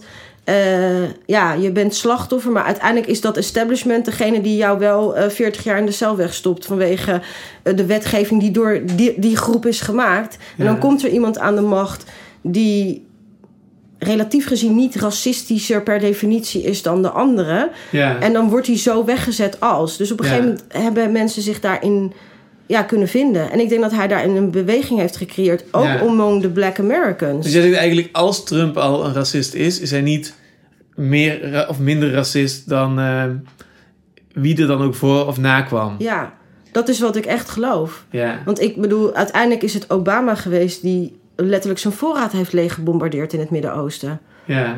Ja, dat was de, de, de, de zwarte man die de vrede zou komen brengen. Maar dat is niet gebeurd. Ja. En, en dat vind ik het. eh, het, het, het en, nou ja, goed. Dus die, die, ja, dat, dat, dat je dus merkte dat mensen dat echt niet leuk vonden. En gewoon een beetje kwaad werden van hoe kan, hoe kan je nou. eh, hoe kan, je- hoe, kan je nou, hoe kan je nou een Trump. eh, hoe kan je nou goede dingen in Trump zien? Hoe, hoe Ja. kan dat nou? En wat ik trouwens ook, nu je dat zegt, Biden heeft ook, hoorde ik van de week, aan het begin van de pandemie, toen Trump nog aan de macht was, gezegd dat hij niet zomaar een vaccin zou nemen vanwege de bijwerkingen. Oh, En, eh, en Kamala Harris heeft dat ook gezegd. En die zijn gewoon 180 graden gedraaid. En dat was gewoon omdat ze tegen Trump waren. ja. En ik weet ook weer via via dat heel veel mensen met een eh, niet-westerse achtergrond ook sceptisch zijn eh, Ja. over het vaccin. Om daar blind in mee te gaan. Ja. Vanwege diezelfde bedenkingen. Ja, dus ja, dus, dus als je dat, dat op een rijtje zet, wie is dan, wie is dan de grote racist of zo? Ja, maar Biden heeft toch ook gezegd: You ain't black if you don't vote for me. Dat heeft hij letterlijk gezegd. Ja, heeft dat Heeft letterlijk hij gezegd? letterlijk gezegd. letterlijk gezegd. You Ja. ain't black if you don't vote for me. Ah, goed, laat ik het zo zeggen. Ik heb de zin, zinsnede niet exact zoals die is, maar hij, het, het was gewoon precies die kern. Ja. En dat mensen zeiden van, hallo, dus mijn huidskleur bepaalt waar ik op stem. En Ja. dat is wat heel, bij heel veel zwarte Amerikanen echt, dat is totaal een verkeerd keelgat geschoten. Omdat ze zeiden van, ja, dit, dit, dit kunnen wij niet. Ja, dat is dat is dus het racisme. dat is Wat, dat is wat ik racisme noem. Ja. Dat heb ik ook gezegd tegen die, die persoon die dan afscheid van mij nam. Ik zei, ja, maar dat vind ik dus racisme. Jij bepaalt wat ik moet denken. Dat, is toch, nou, dat is toch typisch het Op basis van huidskleur. op basis van huidskleur. Want je gaat er gewoon vanuit, ik heb een kleur, dus ik moet voldoen. En dat is wat ik dus constant zie. Ja, maar jij moet GroenLinks stemmen. dus het is eigenlijk... Je kunt, van de A stemmen. je kunt racisme, naar mijn idee, op twee manieren duiden. Die ik allebei vruchtbaar vind. En de ene is dat je wordt aangesproken eh, op de groep vanwege je groepskenmerk. Ja, Dus dat is dan hier het geval. Hè? Dus je Ja. wordt eigenlijk aangesproken op, de, op het groepskenmerk van je huidskleur en, en op basis van je gedrag. ja, En de andere is dat je dus daar ook nog inferioriteit en superioriteit aan koppelt. Dus Ja. dat je zegt van, jij bent, jij bent inferieur aan, aan een ander vanwege jouw groepskenmerk. ja. En dan vind ik dat die, die tweede dus, die je dus nu duidt, die komt minder voor dan de eerste. De eerste is continu. Ja. En dat is continu dat het links-progressief... Ja. Maar dat establishment. superioriteit, inferioriteitsdenken, dat is natuurlijk een, wat, we ook in, wat ook een beetje een erfenis is van de holocaust, waardoor we dat, omdat dat met de joden is gebeurd, eh, koppelen aan, rechtsextremisme. En waardoor dat nu in, snap je, daarom wordt nu ook eerst eh, Jan Maat in Nederland weggezet als een racist en vervolgens eh, Wilders en, Ja. en nu Baudet. Ja. Dat is En eigenlijk- Pim Fortuyn En natuurlijk. Pim Fortuyn. Ja, ja. dat, is, dat is... Dat wordt nu heel makkelijk een verhaal van nee, maar dat zijn de racisten, want zij, zitten in, wij, zij staan in die, in die traditie ja. Die Maar daar dat- is ingezet. En dan wordt dat andere racisme wordt gewoon eh, over het hoofd gezien, wordt vergeten. Dat, dat Biden, Biden zegt van ja, je, je, je, je, bent, je, bent, eh, je huidskleur Ja. is bepalend voor. Ja, ja dat, dat, maar dat, dus het echt achter van mensen, dus mensen eigenlijk wegzetten als een domme groep, een on- domme, onwetende groep. En ik kan daar nog tal van voorbeelden geven hoor. Dat, je dat, dus, dat is eigenlijk wat ik het institutioneel racisme ook noem. Dat, ehm, weet je wat, we zetten, wel een paar, eh, we zetten wel een paar Turken of een paar Marokkanen in een partij. En dan zorgt dat wel weer voor wat meer stem, stemmen. En dan zorgt dat wel weer dat, alle, dat zij massaal op. En dat gebeurde vooral in de jaren, nou wat zal het zijn, eind negentig. En ik weet dat gewoon omdat ik ook vanuit vriendengroepen dat heb gehoord. Dat ze dan inderdaad, oh ja, we gaan stemmen op, eh, op, op het CDA. Ja, maar hoezo ga je stem- stemmen op het CDA? Ja, want eh, die en die zit daar in die partij, dus huppatee. Dan hebben we daarmee meteen een grote groep van eh, stemgerechten. Dat het gebeurde met name bij de Turken dan. En dat is, nou, is dat nu weer afgevlakt. Maar dat is dus wat je constant merkt. En dan, oh weet je wat, als we nou een dame met een bepaald uiterlijk of... Ik ga dan niet echt namen noemen, ergens in een partij zetten, dan creëert dat weer stemmen. Dus wat je daarmee doet is eigenlijk een hele grote groep mensen voor dom achten. En dan denk ik, wat is dan eigenlijk het racisme? Is dat nou echt... Ik, want soms gaan hele ideologieën ook niet samen. Dat je denkt, hé, maar hoe kan zij nou weer in die partij zitten? Want jij bent toch hè, ja, dan ga ik zelf ook in hokjes denken. Maar gewoon even uitgaande van hoe zo'n persoon ergens voor staat. Dan weet je gewoon eigenlijk dat dit helemaal niet klopt. Ja. Maar dat is gewoon puur omdat het goed voor de agenda is. Want ja, als jij dan inderdaad een persoon met een kleurtje bent en je zit bij die partijen, dan kan jij weer zoveel stemmen mee krijgen. En dat Ja. is echt wat gebeurt. Dat gebeurt gewoon. En hoe, hoe ehm, misschien kunnen we het nu ook nog eens hebben, want, want ehm, En ik denk eh, als, als een Baudet dat nou goed zou marketen, dan heeft hij daarmee een winst. Dat, dat, geloof ik echt. Het klinkt heel raar, maar als hij daadwerkelijk zichzelf als de grote. Hè, want dat, ik geloof wel dat hij dat ergens voelt. Dat hij wel heel veel. eh, ehm, dat veel mensen wel compassie met hem hebben. Maar als hij. En er is een groep die dat niet heeft, maar er is ook een hele grote groep die dat wel heeft. En soms denk ik, het is ook een gebrek aan marketing. Ja, iemand die hem goed kent, heeft mij ooit eens toevertrouwd dat hij eigenlijk helemaal niet zo geïnteresseerd is in politiek. Ja, Dat is eigenlijk ook goed, vind ik altijd, om mee te nemen als je naar Baudet kijkt. Omdat ik denk eh, dat hij geloof... En hij is een soort van ijdele, een narcistische man... die, ik, eigenlijk die foto van hem op die piano vangt wel goed wie hij volgens mij is. Ja. Dat hij dan zeg maar liggend op zijn piano als een soort epicentrum van een culturele omzwaai waarin hij een hele belangrijke, alles betekenende rol heeft gespeeld. En wat uiteindelijk zal zorgen voor een mooie cultuur met dichtkunst en architectuur en schilderkunst en literatuur. En eh, volgens mij is hij daarmee bezig en is de politiek zijn middel. Omdat... eh, Ja, en hij is Ja. per ongeluk in die politieke realm gezogen. Maar hij is volgens mij helemaal niet... Hij is wel ijdel genoeg om te denken van... nou, dan ga ik hier betekenisvol zijn. Maar, maar als je diep van binnen bij hem kijkt... dan is hij daar helemaal niet zo mee bezig. Daarom moet je ook niet zo bang zijn... dat, dat met Baudet de nieuwe Hitler opstaat. Want dat is gewoon niet zo. Nee, maar dat het is gewoon een soort van... Ja, in het beste geval is het gewoon een op drift geraakte... narcistische schijnintellectueel... die eigenlijk op allerlei manieren... Ja, een soort van Ja, ik, toch zie ik bij hem wel een vorm van menselijkheid. Dat het hem enigszins wel raakt. Alleen, ja, ja, het, ja, het kan natuurlijk ook inderdaad... het- Ik kan, kan het verkeerd zien, hè? Dit Nou, is het gewoon kan ook- het ja. Ja, nou ja, goed. Kijk, tuurlijk. Ik vind wel, weet je, als het inderdaad, als ik soms gewoon kijk hoe, hoe zij dan eh, de debatten voeren en dan met name over dat massamigratie, dan denk ik, ja, dit is natuurlijk gewoon zieltjeswerven. Want je kan natuurlijk ook, eh, massamigratie ontstaat door de problematiek die, die er gecreëerd wordt in die landen. Dat kunnen we gewoon, dat is bijna Ja. één op één aan te sluiten op elkaar. Hè? Als Ja. jij een land gaat bombarderen, dan moet je verwachten dat er een migratiestroom komt. En wie dat nou veroorzaakt, ja, dat, dat, dat, laten we even die discussie maar niet voeren. Maar dat, dat zijn dan dingen dan dat ik denk van ja, het is heel makkelijk om te roepen. We moeten de massamigratie stoppen. Ja, maar dan moet je ook stoppen met het uitbuiten van die landen. Dus Ja. het, is, het is een één op één eigenlijk. En ik merk dat natuurlijk dat dat soort elementen of dat soort eh, eh, punten worden nooit aangehaald. Dus daarmee zie je wel dat het inderdaad meer soms een opklopperij is van... dan daadwerkelijk het willen oplossen van het probleem. Maar het probleem is gewoon zo complex geworden dat het bijna Ja. niet op te lossen is. Dat is hoe ik het begrijp. Ik denk dat het gewoon heel erg micro moet beginnen. Wij zelf moeten dit gaan oplossen. Dit moeten we, niet, we moeten niet verwachten dat de politiek dit voor ons gaat oplossen. Maar wij moeten dat zelf doen door met elkaar in gesprek te gaan. Ja. Door, eh, nou ja, als je vraagt over oplossingen, een centra waar mensen bij elkaar kunnen komen. Waar we opnieuw, hè, je hebt dan een Bali, maar dat wordt dan misschien nog wel heel erg ge- geregisseerd. Maar gewoon dat het organisch gebeurt. Hè? Zoals eigenlijk een Hyde Park, vond ik altijd heel mooi in Londen. Waar mensen gewoon eh, hele debatten met elkaar aan het voeren waren. En dan was de een voor en de ander was tegen. En dan stonden ze tegenover elkaar. Maar dat is wel hoe het zou moeten. Ja. We moeten het zelf gaan doen. We moeten niet vragen aan, aan de leiders van het land... hoe moeten wij dit oplossen? Nee, we moeten het zelf gaan doen. En dat moet gewoon zoals de gewone burger. Dus dat is ook het gesprek aangaan...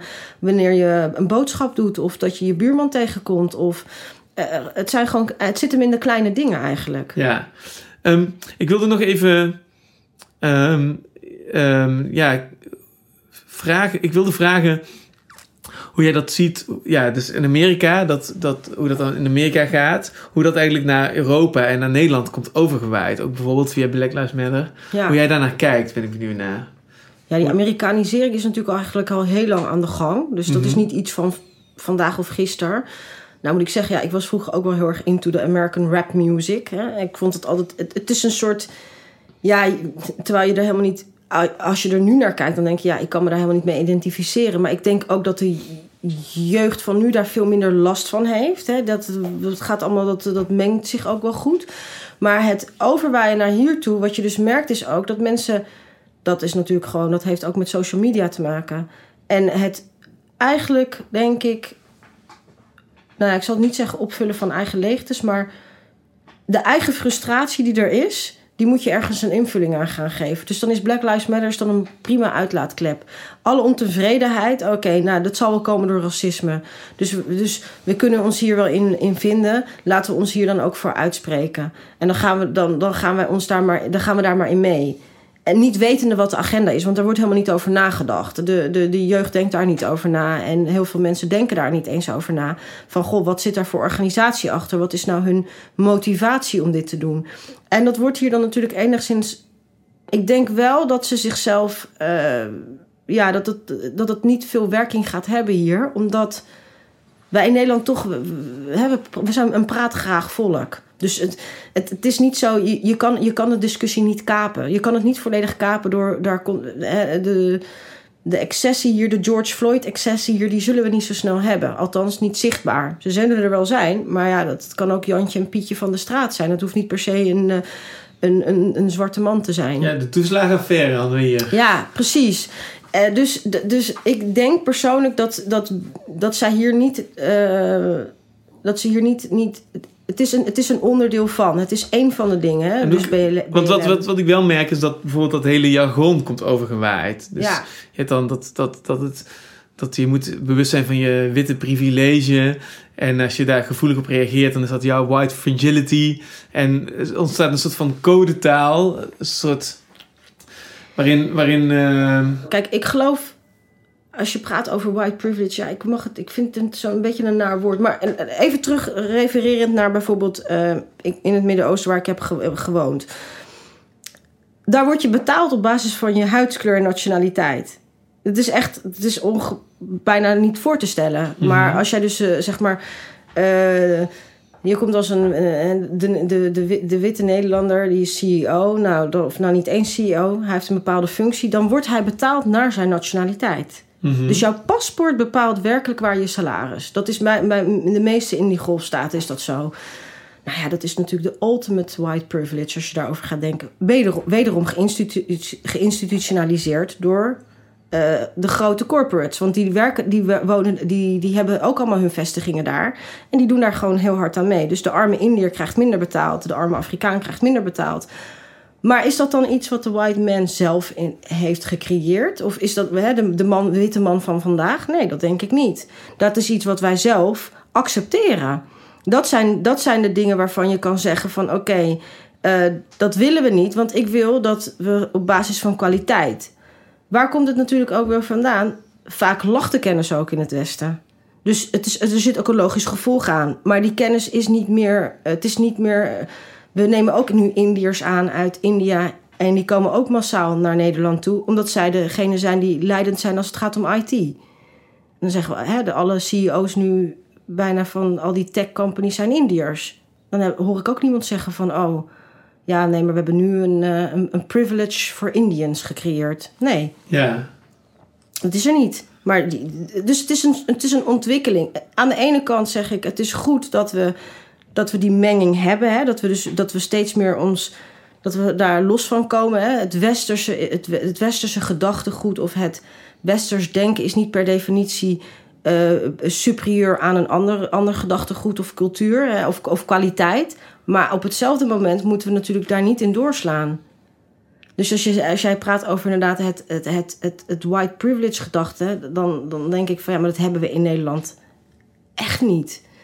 Het is, het, is, het, is, het, is, het is misschien dat de witte man heeft per definitie, ja, ik vind de Ja, witte daar- man. daarom dat ik ook benieuwd ben, denk ik. Nou, ze vaak een slachtoffer van, van alles is. Ik zie dat als iets wat uit Amerika komt overgewaaid, een soort jargon. Dus bijvoorbeeld, ja, dus nu om, om, om, om nu eh, bijvoorbeeld in het theater subsidie te krijgen, moet je eigenlijk al meedoen aan dat idee dat er eh, ongelijkheid is en dat er, ehm, dat er ehm, ehm, eh, diversiteit wordt nagestreefd. En, en, en dat wordt onderbouwd met het idee dat er wit privilege is. En, en, en daarom moet je eigenlijk een soort gelijkheid nastreven. En daar, daar moet je mensen met een andere niet-westerse achtergrond een kans geven. En dat, dat wordt eigenlijk een soort van subsidietaal. Ja, En dat komt eigenlijk volgens mij voort uit, uit, het, eh, uit hoe, hoe, die, hoe, dat, eh, hoe die raciale strijd in Amerika wordt gevoerd. En hoe dat begint dan in de, in de instituties zoals de universiteiten. En hoe dat langzaam eigenlijk ja, soort jargon wordt. Voor, nou, ik eh, denk dat het altijd wel heeft gespeeld. Hè? Kijk, die, die, die, die hele discussie, en dat zie je al in de Franse banlieues. Of je nou gaat kijken in de, hè, de, de, de wijk, achterstandswijken in heel veel eigenlijk grote steden. Dan merk je gewoon in, in, in diverse Europese landen dat dat onvrede, dat is er gewoon. ja. En het, het, het is er wel degelijk, hè? Van, ja, not ja, in my backyard, zeg ja, maar. de banlieues zijn wel een heel goed voorbeeld inderdaad. En ook de, eh, in, in, eh, hoe heet dat, Molenbeek of zo, eh, die wijk in, in Brussel. In, in Brussel heb je dan inderdaad Molenbeek. Of je hebt in, in Antwerpen heb je die wijken, hoe heet dat nou ook alweer? niet Hoboken. Nou, daar is ook zo'n wijk. Nou, dat, Ja. dat zijn gewoon echt En- wel... En Frankrijk is ook een, meer een, een chauvinistisch land en ook meer een, een, Ja. een, een, een, een iets meer xenofoob land. En dan krijg je dus ook die wijken, ehm, een beetje net als in, in, in New York, dat je ook wijken hebt die een beetje opgegeven zijn. En waar de politie ook niet meer heel erg durft te komen. En waarbij de... Ja, die eigenlijk als een soort jungle Ja, er, losgeraakt zijn van die logica. En daar komt in Nederland ook het idee vandaan van die, die wat dan prachtwijken wordt genoemd, toch? En dat, ja. dat, eigenlijk, dat zijn pogingen om wijken die in Nederland zijn, zoals, zoals je in, in Utrecht heb je bijvoorbeeld eh Kanaaleiland Land, en in ja. Amsterdam heb je dan Belmer en zo, om die, om die wijken te, te, ja, een- boost te geven. Dat, dat ze niet eh, wegzakken in wat we dan in, in Parijs zien eh, Ja. gebeuren bijvoorbeeld, hè? Toch? Ja, ja, ja, ook. Ja, nou ja, in Nederland probeer, weet je wat het is? In Nederland probeer, proberen ze het wel, maar het gaat altijd een beetje, moet ik het zeggen, houd je touwtje. Ja. En dus die onvrede, nou even terug refererend naar dat er toch, dat er dus ook, dat je inderdaad, nou, ik weet niet of je dat per definitie aan de, geleerd kan hebben aan de witte man, maar jij ziet het ook in, in, in de UK heb je dat ook, hè? Je hebt wijken in Birmingham, nou ja, goed, dat is gewoon, het zijn een soort van no-go areas. ja. Hè, de, de politie die, eh, heeft daar minimale invloed. Dus het, het, het speelt zich overal in Europa wel af. En tuurlijk, die, omdat wij, ja, ik weet het niet. Ik kan nou zeggen dat het. Ik vind dat niet per definitie de witte mans fault. Weet je, het, het, zijn, het zijn situaties die zijn ontstaan na een jarenlang systeem waarin mensen gewoon eh, gevangen zijn door een systeem. Ik vond het wel mooi hoe iemand dat zei van ja, je kan er geen je kan het niet, je kan het niet wijten aan één persoon. Je kan niet Ja. zeggen dat is de dader. Die witte man is de dader. Die staat ervoor, zoals ik al zei over dat Old Boys Network. Hè, het ons kent ons. En waar- waarom, waarom zag je, zei je net even in tussen neus en lippen door dat je in Nederland de, de witte man eerder nog als een slachtoffer ziet dan als een, eh, als een dader of een predator? Wat? Nou ja, ik vind in Nederland, ja, ik vind dat Nederlandse mannen die worden toch wel, ja, dan ga ik natuurlijk wel heel generaliseren, maar ik vind het wel heel erg vervrouwelijkt op een bepaalde manier. en het is heel extreem om te zeggen, maar je mag, je mag bijna geen man meer zijn.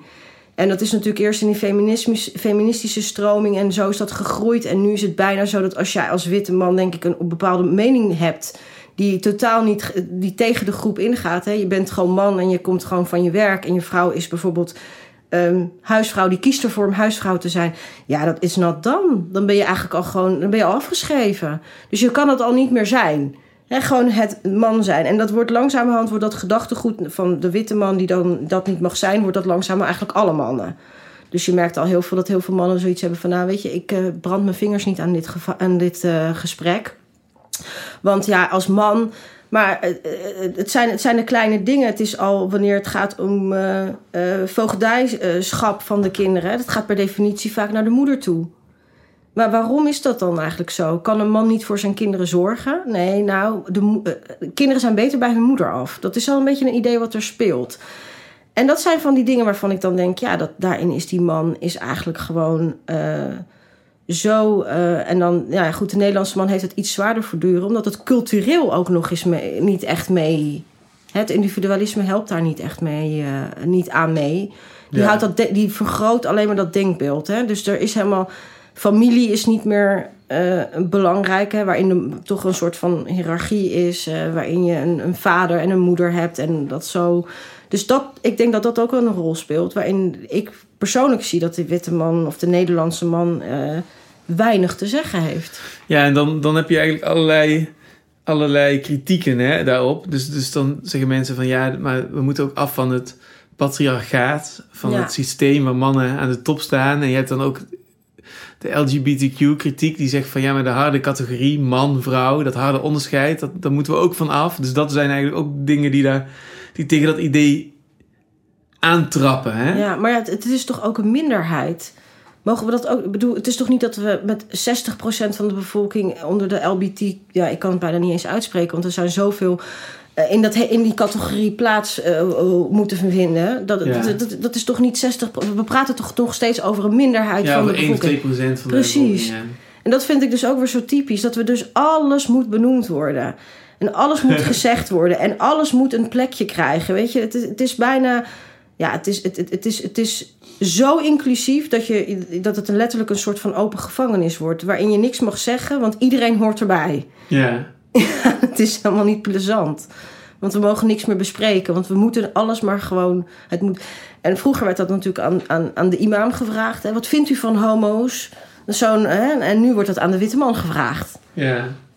Wat vindt u nou, wat vindt u er nou van? Wat, eh, wat, wat is uw mening? En het schuift steeds meer op als je er goed naar gaat kijken. Hè? Want eerst was het natuurlijk de, de hoofd van een, een, een, een, nou ja, goed, van een moskee of van een kerk... Of van, die daar een uitspraak over had. Nou, die hebben zichzelf nu natuurlijk helemaal... Die denken, nou, wij willen er al niks meer over zeggen. En nu is stap twee is dan de witte man. En wat wordt het volgende? Ja, dat is nog maar de vraag. Ja, ehm, we gaan er vandaag echt als een soort wervelstorm doorheen, hè? Door al die Klopt. onderwerpen. Ja. Ehm, dus laten we maar gewoon vragen. Zijn er dingen die jij zou willen, nog ter tafel zou willen brengen? Of onderwerpen die we nog niet hebben aangestipt, waarvan je denkt... Hier gaat het over, of dit is de kern van wat, waar we het nou eigenlijk over hebben. Nou, de kern is dat je. Wat, wat ik echt belangrijk vind, is dat wij als mens, zeg maar, als gewone burgers. Allereerst altijd met elkaar in gesprek moeten blijven gaan. Het debat Mhm. moeten blijven voeren. Niet bang zijn om te zeggen wat je denkt. Dus, dus we- wees vooral gewoon. eh, ja, wees gewoon vooral eerlijk en open over je mening. En dat ik denk dat we het probleem of, en de oplossing bij onszelf moeten gaan zoeken. Dus in mijn geval spreek ik me er gewoon duidelijk tegen uit. Van ik wil niks te maken hebben met Black Lives Matter. Want ik sta daar niet voor. Ik sta ten eerste voor All Lives Matters. En ten tweede eh, kan ik mij niet associëren met een beweging die dat voor mij kaapt. En hetzelfde geldt voor al die politieke partijen nu. Dus die allemaal praten van... oh, er is zoveel moslimhaat en er is zoveel eh, antisemitisme en er is zoveel... Dus al die, alles wordt gekaapt... waardoor wij bang zijn om als, om ons als gewone burger uit te spreken. Blijf gewoon vooral die nuance erin En, houden. en hoe wordt dat gekaapt? Hoe, hoe, eh, Ja, dat wordt gekaapt door het feit dat je... Dat, dat is constant wat je op televisie ziet. Als je constant tweets voorbij ziet komen van... oh, we hebben een, een einde... eindelijk gaan we weer... eh, dat was ook toen natuurlijk Biden en Harris waren gekozen. Verenigd Amerika. En dan zag ik dus ook allerlei mensen van politieke partijen... dan ook de foto van Kamala en Biden. En ik denk dat het land nu... eh, groter dan ooit verdeeld is. En hetzelfde geldt voor Nederland. We hebben dan nu eindelijk is er een coalitieakkoord. En daar moeten we ons allemaal in vinden. Mensen die we zelf hebben weggestuurd. ja. En die komen nu weer allemaal terug. Hè, het volk heeft gezegd, we zijn er klaar mee. Het vertrouwen was opgezegd, maar ze zijn allemaal weer terug. En dat moet dan nu weer de eenheid gaan brengen. Ja, het is gewoon... eh, wat, dit, is niet, dit, kan je, dit moeten wij zelf gaan doen. En wij moeten dat blijven... Ja, dat gesprek van de gewone man op straat... moeten wij blijven voeren. En ik denk dat dat veel belangrijker is. Dus inderdaad, als er een centrum zou komen... waarin je gewoon vrij uit dit soort debatavonden... als de hele coronacrisis misschien een keer voorbij is... waarin je dat gewoon openlijk met elkaar kan bespreken. En dat we daarin gewoon wij zelf daarvoor dus organisch gaan zorgen. En niet eh, wachten op dat subsidiepotje, want dat voldoe je dan toch weer niet aan. Of, oh, nou voldoe ik eigenlijk wel aan, maar als ik dat doe, dan ben ik ook meteen. Dan doe ik daar aan mee. Dan, ga ik daar, dan, werk ik dat, dan werk ik dat ergens in de hand. En dat is iets wat ik denk, daar moeten we, ja, daar moeten we vanaf. En Ja. spreek je uit. Ook als je juist een, een plek hebt in die maatschappij, spreek je dan ook gewoon uit. Ja, ja, ik heb eigenlijk wat ik het meest, eh, wat me het meest nu helder voor de geest staat, nu we aan het praten zijn, is dus inderdaad, eh, als het rijden van mannen en vrouwen gaat hebben, dat het één grote vermenging is. En dat dus wie aan het roer staat en wie aan de touwen trekt, dat dat heel eh, complex is. En Ja. dat dat wordt gesimplificeerd. En dat je dus als je naar niet-Nederlandse cultuur kijkt, dan zie je dat meteen. Maar Ja. in Nederland hebben we een soort blind spot. Dat Ja. dat gewoon eigenlijk ook een belangrijk aspect is van hoe macht werkt. Ja. En als je kijkt naar, vervolgens naar het racisme-debat, dan, dan is dat ook, ehm, dan, dan, wat daarin niet wordt meegenomen, is dat, dat ook dat, dat, dat onderlinge racisme en dat dat eigenlijk op een hele, ook op een hele complexe manier eh, verstrengeld is geraakt.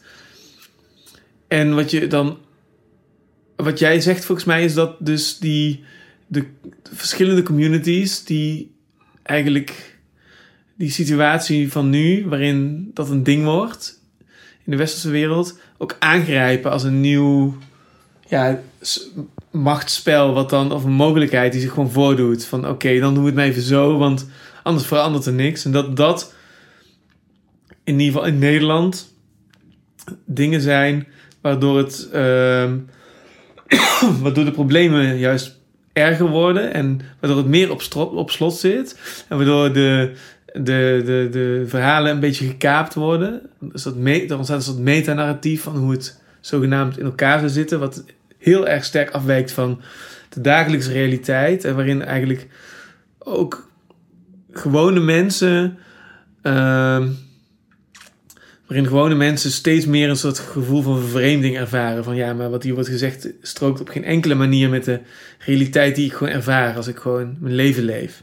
Ja. Dat is, dat is, dat, dat is een beetje hoe ik het zou samenvatten. Ja. Wat, wat, wat, wat, Ja. ik, wat, ik, wat ik als kern uithaal van wat je zegt. Klopt dat? Of? Ja, ja, ik kan me daar helemaal in vinden. Ik- denk inderdaad, de communities zozeer kapen er niet, maar bepaalde mensen in die communities zien dat dan weer als een chance of opportunity om zelf daaruit iets te halen. Hè? Als we het even Ja. over dat racisme-debat hebben. ja. En, en, en dat. Dat is eigenlijk van die, van die, van het, vanuit het idee vanuit dat je het, je, je eigen leven moet maken. Ja. Individualisme eigenlijk. Ja, dus opportunisten eigenlijk in dat geval. En wat ik ook heel erg vind, is het racisme-debat is hier continu black versus white. Ja. En dat is het gewoon niet. Het, het, het is, het is niet waar. Het is niet eerlijk om het daaronder te schuiven. Dus, dat je dus, dus, dus er is geen discriminatie onderling tussen verschillende communities en culturen. En dat is er dus wel degelijk. En dat is eigenlijk misschien nog wel veel heftiger soms. Eh, ja, eh, wat ik al zei hè, in het gesprek. En dat, dat zijn gesprekken die niet gevoerd worden. De meeste Nederlanden, witte Nederlanders, accepteren het wel als hun dochter of zo met een niet-westers eh, meisje thuiskomen of jongen. Eh, of zich uitspreken met, eh, laat ik het zo zeggen, naar een ander geloof over te stappen. Maar in andere culturen wordt dat totaal niet geaccepteerd. Dus er, spelen weer hele andere. Hè, dus dat, ik, vind dat, ik vind dat heel erg het kapen. En het wordt constant gekaapt door dezelfde club mensen die dus dan zeggen: ja, oh, we moeten de communities re- redden. Nou ja, misschien moet je soms dingen maar gewoon accepteren. Dus wat jij zegt, ja, dat is wel een beetje de kern Ja. van hoe ik, er, ja, hoe ik erin sta. Ja. Ja, dus. En, en, en als ik dat zo samenvat, wat vergeet ik dan nog iets? Of wat, wat voor jou eigenlijk ook de, de kern is? Of wat. Nee, ik denk dat je eigenlijk alles wel hebt eh, verwoord zoals het is. Zoals ik het heb ervaren en zoals ik het ook nog steeds ervaar. Ik vind het gewoon jammer, wat ik al zeg, is dat er weinig mensen zijn. Zoals, nou, ja, en ik ben dan inderdaad de gewone burger. Maar ook gewoon mensen van wel van een bepaald soort establishment. Of die een bepaalde soort followers hebben, groep. En die zich daar niet tegen uitspreken. Ja. Ja, dus die ook zeggen van ja, weet je, het is heel mooi als je tegenwoordig zwart bent en je bent homo en je, of je bent non-binair en noem het maar op en je bent ook nog eens uit je community ge, gekikt. Nou, dan, ben je, dan voldoe je helemaal aan het plaatje om morgen weer de next president te worden, zeg maar. ja. Nou, het en- worden pakketjes eigenlijk, hè? Precies. Maar terwijl heel veel donkere mannen zich totaal niet kunnen vinden daarin. Ja. Die hebben daar helemaal niks mee. Maar dat mag niet. Dus Ja. dat mag je niet uitspreken. Nou, en dan heb je dus de witte man die dan misschien zegt van ja, ik vind, mij, ik vind dat mijn positie hierin, eh, ik mag niks meer zeggen, want dan ben ik meteen een racist. Terwijl ik dit helemaal niet zo bedoel. Ja, nee, dat- dat kan ook weer niet. Dus je mag je daar ook niet in vinden. Je mag je nergens meer in vinden. Dus eigenlijk moeten we ons in alles moeten we ons herkennen. Maar ik herken me niet in alles. Ja. ja, eigenlijk zou je willen dat. Dus wat jij ook zegt, hè, meteen van, van als sommige dingen die Trump zegt, is wel interessant. Eh, ik kan me ook wel vinden in sommige uitspraken van Baudet. Ehm, ehm, ja, dat Zwarte Piet verhaal, dat zit toch ook anders in elkaar. Dus jij raakt eigenlijk ook allemaal van die hot topics aan, hè? Ja. En, en, en, en inderdaad, we, dat, dat, dat mag eigenlijk niet. Je moet een soort, je moet, er moet een pakketje zijn. Een soort aantal boxen die je moet aftikken om te kunnen voldoen. En om mee te kunnen doen in het meningenklimaat. En dan moet Ja. je eigenlijk... En, ehm, ja, en ja, je merkt het nu ook bij, de, bij Zini Özil zei het ook... dat linkse progressieven hem altijd hebben tegengewerkt. En je merkt Ja. het nu ook aan bijvoorbeeld Sigrid Kaag... en hoe zij eigenlijk in, de, in die D66-cultuur eigenlijk... eh, ehm, ook gebruik maakt van dat... eh, ja, dat zij toch een soort van witte redder is die uit die, uit die wereldcultuur komt. En alsof het wandelen, als een wandelende UNICEF-poster. Dat moet je een beetje uitstralen. Ja. Dat je van de wereld bent. En dat je ook, ja, Maar uiteindelijk zijn ze niet degene die aan de touwtjes trekken. Dus nu, Nee. heb ik het niet over Sigrid Kaag. Maar uiteindelijk krijg jij niet de kans. Want als ik bij wijze van spreken morgen besluit om een politieke partij te beginnen... dan zou ik aan alle kanten tegengewerkt worden. Terwijl ik misschien juist heel veel animo zou kunnen hebben daarin. ja. Omdat er En dan praat ik, zeg ik, ik heb het even naar mezelf te getrokken, maar dat kan iemand anders ook zijn. Als Zini Deel morgen een partij begint, dan zou die waarschijnlijk heel veel. Want hij zou een hele grote middengroep aanspreken. Waarin zowel uh, niet-witte Nederlanders als witte Nederlanders zich in kunnen vinden.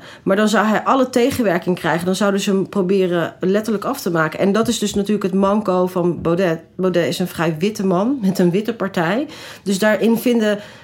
Daar kunnen, kunnen ze hem prima in dat ultra-rechtse hoekje stoppen. Want dat is gewoon eenmaal zo. Ja. En, en, en dat, is, dat is dus ook het gevaar natuurlijk. Want op het moment dat er zo iemand op gaat staan uh, ja, die Stil kan letterlijk iemand monddood maken. Want hij heeft, hij heeft het in huis om te vertellen... ja, maar ik heb met racisme te dealen gehad. Ja, maar ik heb met links-progressief Nederland... ik ben onderdeel geweest van, dat, van die partij-establishment. Ik weet hoe het werkt. Dus ja, het is, ik ben heel erg benieuwd hoe de komende tijd... dat zich in Nederland gaat ontwikkelen. Maar ik denk wel dat er steeds meer weerstand komt... vanuit de groep, zeg maar. Vanuit die groepen in de samenleving.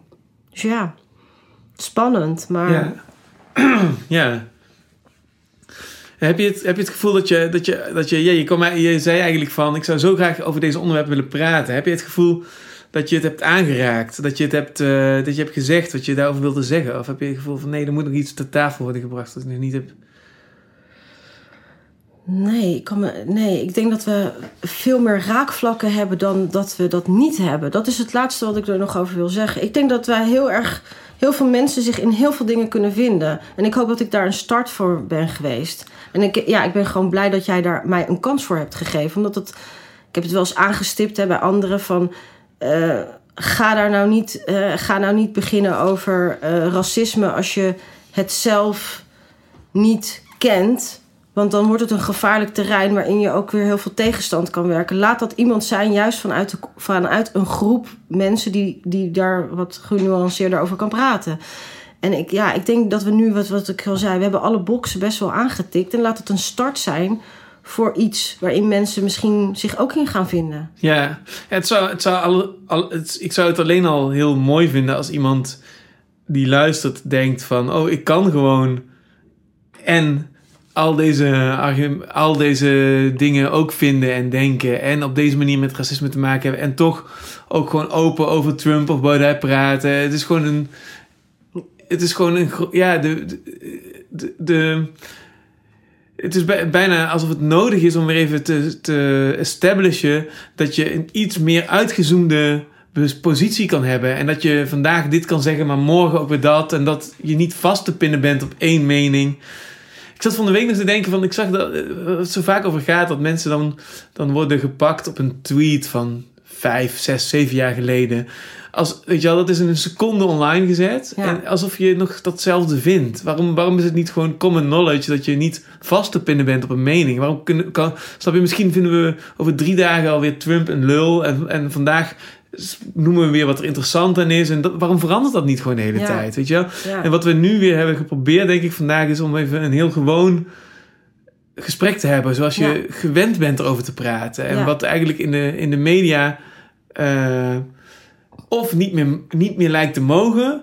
Of misschien wel eigenlijk nooit echt daar plaatsgevonden heeft. Maar altijd in, achter een soort illusionary wall plaatsgevonden heeft. En, en wordt het niet eens tijd om dat te doorbreken als dat zo is. En, en, en, en weer een nieuwe grond te vinden waarop we gewoon weer ook over deze misschien moeilijkere onderwerpen kunnen praten. Maar gewoon zoals je gewend bent om in de kroeg met iemand te praten of, of waar dan ook. Gewoon een echt gesprek daarover hebben. Waarin je constant van mening switch en dan weer dit en dan weer dat. En ja, dat, dat is eigenlijk wat ik, uh, wat ik nu denk. Ja, ja, ik ben, ik, sta daar, ik ben daar helemaal voorstander van. Ik hoop ook echt dat dat inderdaad zo, ja, dat dit zich zo gaat ontwikkelen. Ik ben daar echt, ja, ik hoop dat echt van harte. Ja, een crisis is ook altijd een kans, denk ik. Hè? Dus dat is inderdaad het motto van ondernemers. En ja. uh, dus in die zin. Uh, ja, hebben we vandaag weer even geprobeerd om het uh, mijnkarretje van de helling te duwen. In, de hoop dat het ergens uh, Gaat landen. naar beneden dondert. En, en, en, en, en, en kijk verder dan, dan datgene dat je ziet. Hè? Ga, ga niet altijd uit van wat, de opper, wat, wat je op de oppervlakte ziet, dat dat dan ook zo is als dat je verteld wordt. Ja. Hè? Eh, ga zelf op onderzoek uit. En laat het debat open. Van mij mag Erika Meiland vinden wat ze vindt. Het is Erika Meiland. Mag toch? Ja. En al zou ze een politiek leider zijn, er zijn mensen die nou eenmaal zo daarover denken. Maar door haar helemaal monddood te maken, letterlijk. eh, ik vraag me af dat stel dat nou eh, het door een andere persoon was gezegd. Van kleur. En dan heb ik het niet zozeer over die hoofddoek hoor. Maar over iets anders. Wat was er dan voor reactie gekomen? En aan de andere kant is die hoofddoek een definitie van onderdrukking. Dat is iets wat wij, wij achten dat zo te zijn. Wij, wij moeten dat zo vinden. Maar heb je er zelf wel eens over nagedacht? En dat is wat ik heel veel mensen wil vragen. Denk zelf over je dingen na. Ga zelf op onderzoek uit. Weet je, dat zijn echt wel. eh, ja, daarmee vind ik wel dat ik alles heb gezegd. Ja, zoals die... ehm, ik moet nu weer denken aan wat je zei over die, eh, die docent... die dacht dat je te veel naar de schotel eh, Ja, tv had gekeken. ja, Dat is eigenlijk dan zo'n eh, zo'n aanname, hè? En dan Ja. tegen zo iemand zou je kunnen zeggen van... Oké, doe eens even onderzoek. Dan zul je al weten dat wij... maar dat zal hij dus nu al niet meer durven te zeggen, denk ik. En dat vind ik ook alweer jammer. Begrijp je ook weer waar ik... Ja, dat ik, ik kijk daar toch wel weer ge- genuanceerd naar. Ja, een soort nostal nostalgisch racisme krijg je dan. Precies, ja, het is bijna erg eigenlijk. Hè? Dat je denkt van, oh, in die tijd kon dat allemaal nog gezegd worden. Ja. Maar daardoor hadden we natuurlijk wel het mooiste debat in de klas. Ja, omdat het toch... Het, het is nog erger als het allemaal steriel wordt gemaakt. Precies, Dus dan... Weet je wel, en racisme is uiteindelijk ook maar gewoon racisme. ja. Of zo. Ik bedoel, je moet het wel in perspectief blijven zien. Zoals je... Ja, ik bedoel... Ik, ik, Ik er zijn wel vormen ja. die wel echt erg zijn. Maar er zijn ook wel vormen die gewoon echt niet erg zijn. Of, en alles ertussen. Het is gewoon zoals Ja. alles een spectrum. Ja.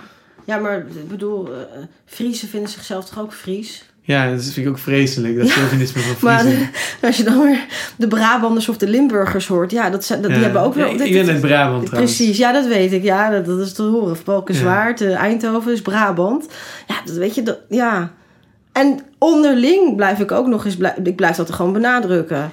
Ga nou eens even kijken naar jezelf. Ja. Hoe onderling, hoe dat in, in- ja, nou, ik wil dan niet over Suriname spreken, want daar weet ik gewoon te weinig over. Maar dat, is gewoon, er is onderling zoveel frictie soms Ja. tussen, Ja, dus, dus, dus als er al racisme is, en, eh, dan is het eigenlijk heel vruchtbaar om gewoon te zeggen van...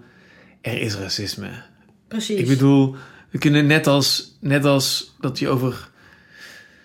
Ja, net zoals dat je over seks kan zeggen. Er, is al altijd, er zullen altijd mensen zijn die seks nastreven. ja, Ja, dan kun je wel met MeToo gaan, gaan hopen dat er een wereld bestaat die er helemaal van afgestript wordt. Maar je kunt ook dan onderkennen dat er bestaat. En zo moet je volgens mij ook over racisme praten. Van oké, zo moet je over er is racisme, racisme. Precies, maar ook over vrouw, inderdaad vrouwenonderdrukking. Hè? Ja. Dus eh, dat is er. Maar je kan het natuurlijk ook weer, zoals ik al zei, heel veel vrouwen regeren uit de keuken bij ons. ja. Letterlijk, dat is gewoon zo. En zij bepalen de koers van het hele gezin en ook van die man.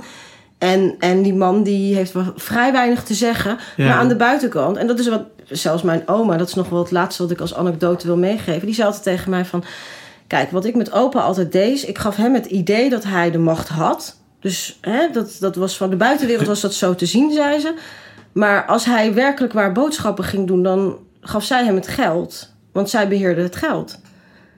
Ja. Maar als je dat zou zien, ja, het eten stond om vier uur klaar. Want opa moest wel om vier uur eten. Nou, ze zei ook, ja, dat zijn dingen die ik dan... Ik, ik, dat is de manier hoe ik met hem omging. Maar dan kreeg ik mijn zaken gedaan. Dus soms is het ook een, is het de vraag die je dan moet stellen van... En mijn opa, ja, die kon niet zonder mijn oma. Maar mijn oma heeft nog, pff, wat is het, 20 jaar, 30 jaar zonder mijn opa geleefd. Ze heeft hem echt ruimschoots overleefd. Dus ja, ik denk dat we het in die contexten meer moeten gaan zien. Ja. Ja, dat is heel interessant. Want je kunt ook die keuken weer als een metafoor zien. Zo Ja. probeer ik dan toe te passen op hoe die zakenwereld in elkaar Ja. zit. En, en dan zie je eigenlijk dat het eigenlijk allemaal min of meer hetzelfde is. En dat het allemaal een soort van Ja, soort het gebruikelijke gekonkel. En, eh, en er was ook een, een, eh, een uitspraak die ik deze week ergens las. Waarbij iemand zei van... eh, ja, als ik mijn man een paar keer in de week of een paar keer in de maand seks geef... dan kan ik hem laten doen wat hij wil. ja, en, ja. en, en dat vond ik eigenlijk ook... Die was daar heel open... Was een hele openhartige eh, uitspraak. En ook, maar wat ik er mooi aan vond... was ook de manier waarop zij dat zei. Zo vanuit een soort van... Dan kan ik hem laten doen wat ik wil. Echt alsof, alsof ze een robot bestuurde. Ja. Alsof ze gewoon dacht van... Zodra ik gewoon weet hoe ik in, in zijn netwerk kan kruipen... In zijn bloedvaten kan kruipen... Dan kan ik hem besturen als een pop. ja. En, eh, Ja, dan krijg je alles. Er wordt heel vaak aan voorbij gegaan. Ook dat is weer een soort van gek taboe. Maar het is wel... Je moet... Ja, Maar vrouwen hebben toch ook vaak hun uiterlijk gebruikt om ergens te komen. ja en, en dat wordt ook vaak weer ontkend. Dat, Ja. dat, dat dat een dimensie is die meespeelt. Want dan zeg je van... Ja, maar door het patriarchaat moeten we wel gebruik maken daarvan. Want anders zijn we, worden, we worden al overal onderdrukt. En zo. Dat, dat was het verhaaltje wat, dat er een beetje van wordt gemaakt, toch? Ja, ja, dat wordt gewoon echt, dat wordt gemaakt inderdaad. En dat, dat zie je met name in de Arabische wereld, is dat gewoon eh, vrouwen eh, winnen heel veel oorlogen in, op, op hun manier, omdat ze dus daar gebruik van maken. Ja. En ehm, dat het soms ook gewoon werkelijk waar doorslaat. Het feit dat dat verhaal zo succesvol is, Ja. is al een, vind ik, een, een blijk van die strategie, hoe succesvol die strategie is, is al. eh, dat vind ik al, hoe zeg je dat? Het feit dat je al bijna niet meer mag zeggen dat het ook zit zoals wij nu hier bespreken, Ja, is al, vind ik, een argument in dat het inderdaad aan de hand is. Want anders Ja. zou je er gewoon open over kunnen praten en Precies. zeggen van, nou, het is toch een beetje zo en dat snappen we toch allemaal wel. En dat dat is uitgeroeid, of dat dat, dat, dat, dat, dat wordt uitgeroeid langzaam en zeker, dat, dat het... Ja, hoe zeg je dat? Dat in Nederland als je zegt van de vrouw zit in de keuken, dat het de grootste belediging aan de vrouw is. ja, Terwijl jij zegt eigenlijk van, nee, dat is juist waar de allergrootste beslissingen ter wereld worden gemaakt. In, Ja. die, keuken, in die keuken. Dat, dat, dat zegt toch eigenlijk al alles. ja. Ja, dat, dat, dat- ik, ik, ik, ik- ja. Het, is, het is precies zoals je het zegt. Je, je, hebt de, je hebt de box getikt zoals die is. En waarin ik dus denk dat vrouwen veel. Vooral eh, even in dat perspectief. Hè, dus ze willen de, de, de onderdrukte vrouw redden. Want dat gaat dan ook mee. En dat is dus. ik vind het heel komisch eigenlijk. Want die vrouwen die maken daar ook nu de dag van vandaag de dag. Hier ook in Nederland. Nou ja, als dat de rol is die wij moeten aannemen. En wij daardoor meer eh, sympathie krijgen en eerder een huis of eerder eh, een urgentie en waardoor we eerder een huis kunnen krijgen, dan moeten we die rol maar aannemen. Gaan we daar toch prima in mee. Ja. Word ik toch mishandeld door die man, terwijl die man misschien helemaal niks gedaan heeft. En denkt van, ik weet niet wat hier gebeurt en wat mij hier overkomt. ja. Dus het is, ja, dat is echt heel, eh, het is heel, het is eigenlijk best wel, eh, ja, wel, als ik er naar kijk, dat ik denk van, oké, het, is, het is totaal niet soms zoals men het op televisie of in de media of in de politiek ziet. Of wilt zien vooral. Nee, ja, ja. Dat, ja, ik ben het daar helemaal mee eens. Het is, het is heel interessant. Ehm, ehm, ja, we kunnen hier volgens mij nog uren over doorpraten. Ja. Volgens mij hebben we wel... eh, laten we er een strikje in leggen. Precies. Ehm, ja, heel erg bedankt dat je langs wilde komen. En eh, om eens een keer de, de, de, de stem van de, van de bezorgde burger eh, te, te vertegenwoordigen. Zo noem ik Ja. het maar even. ja, en graag gedaan. Ik vond het ook echt met heel veel plezier gedaan.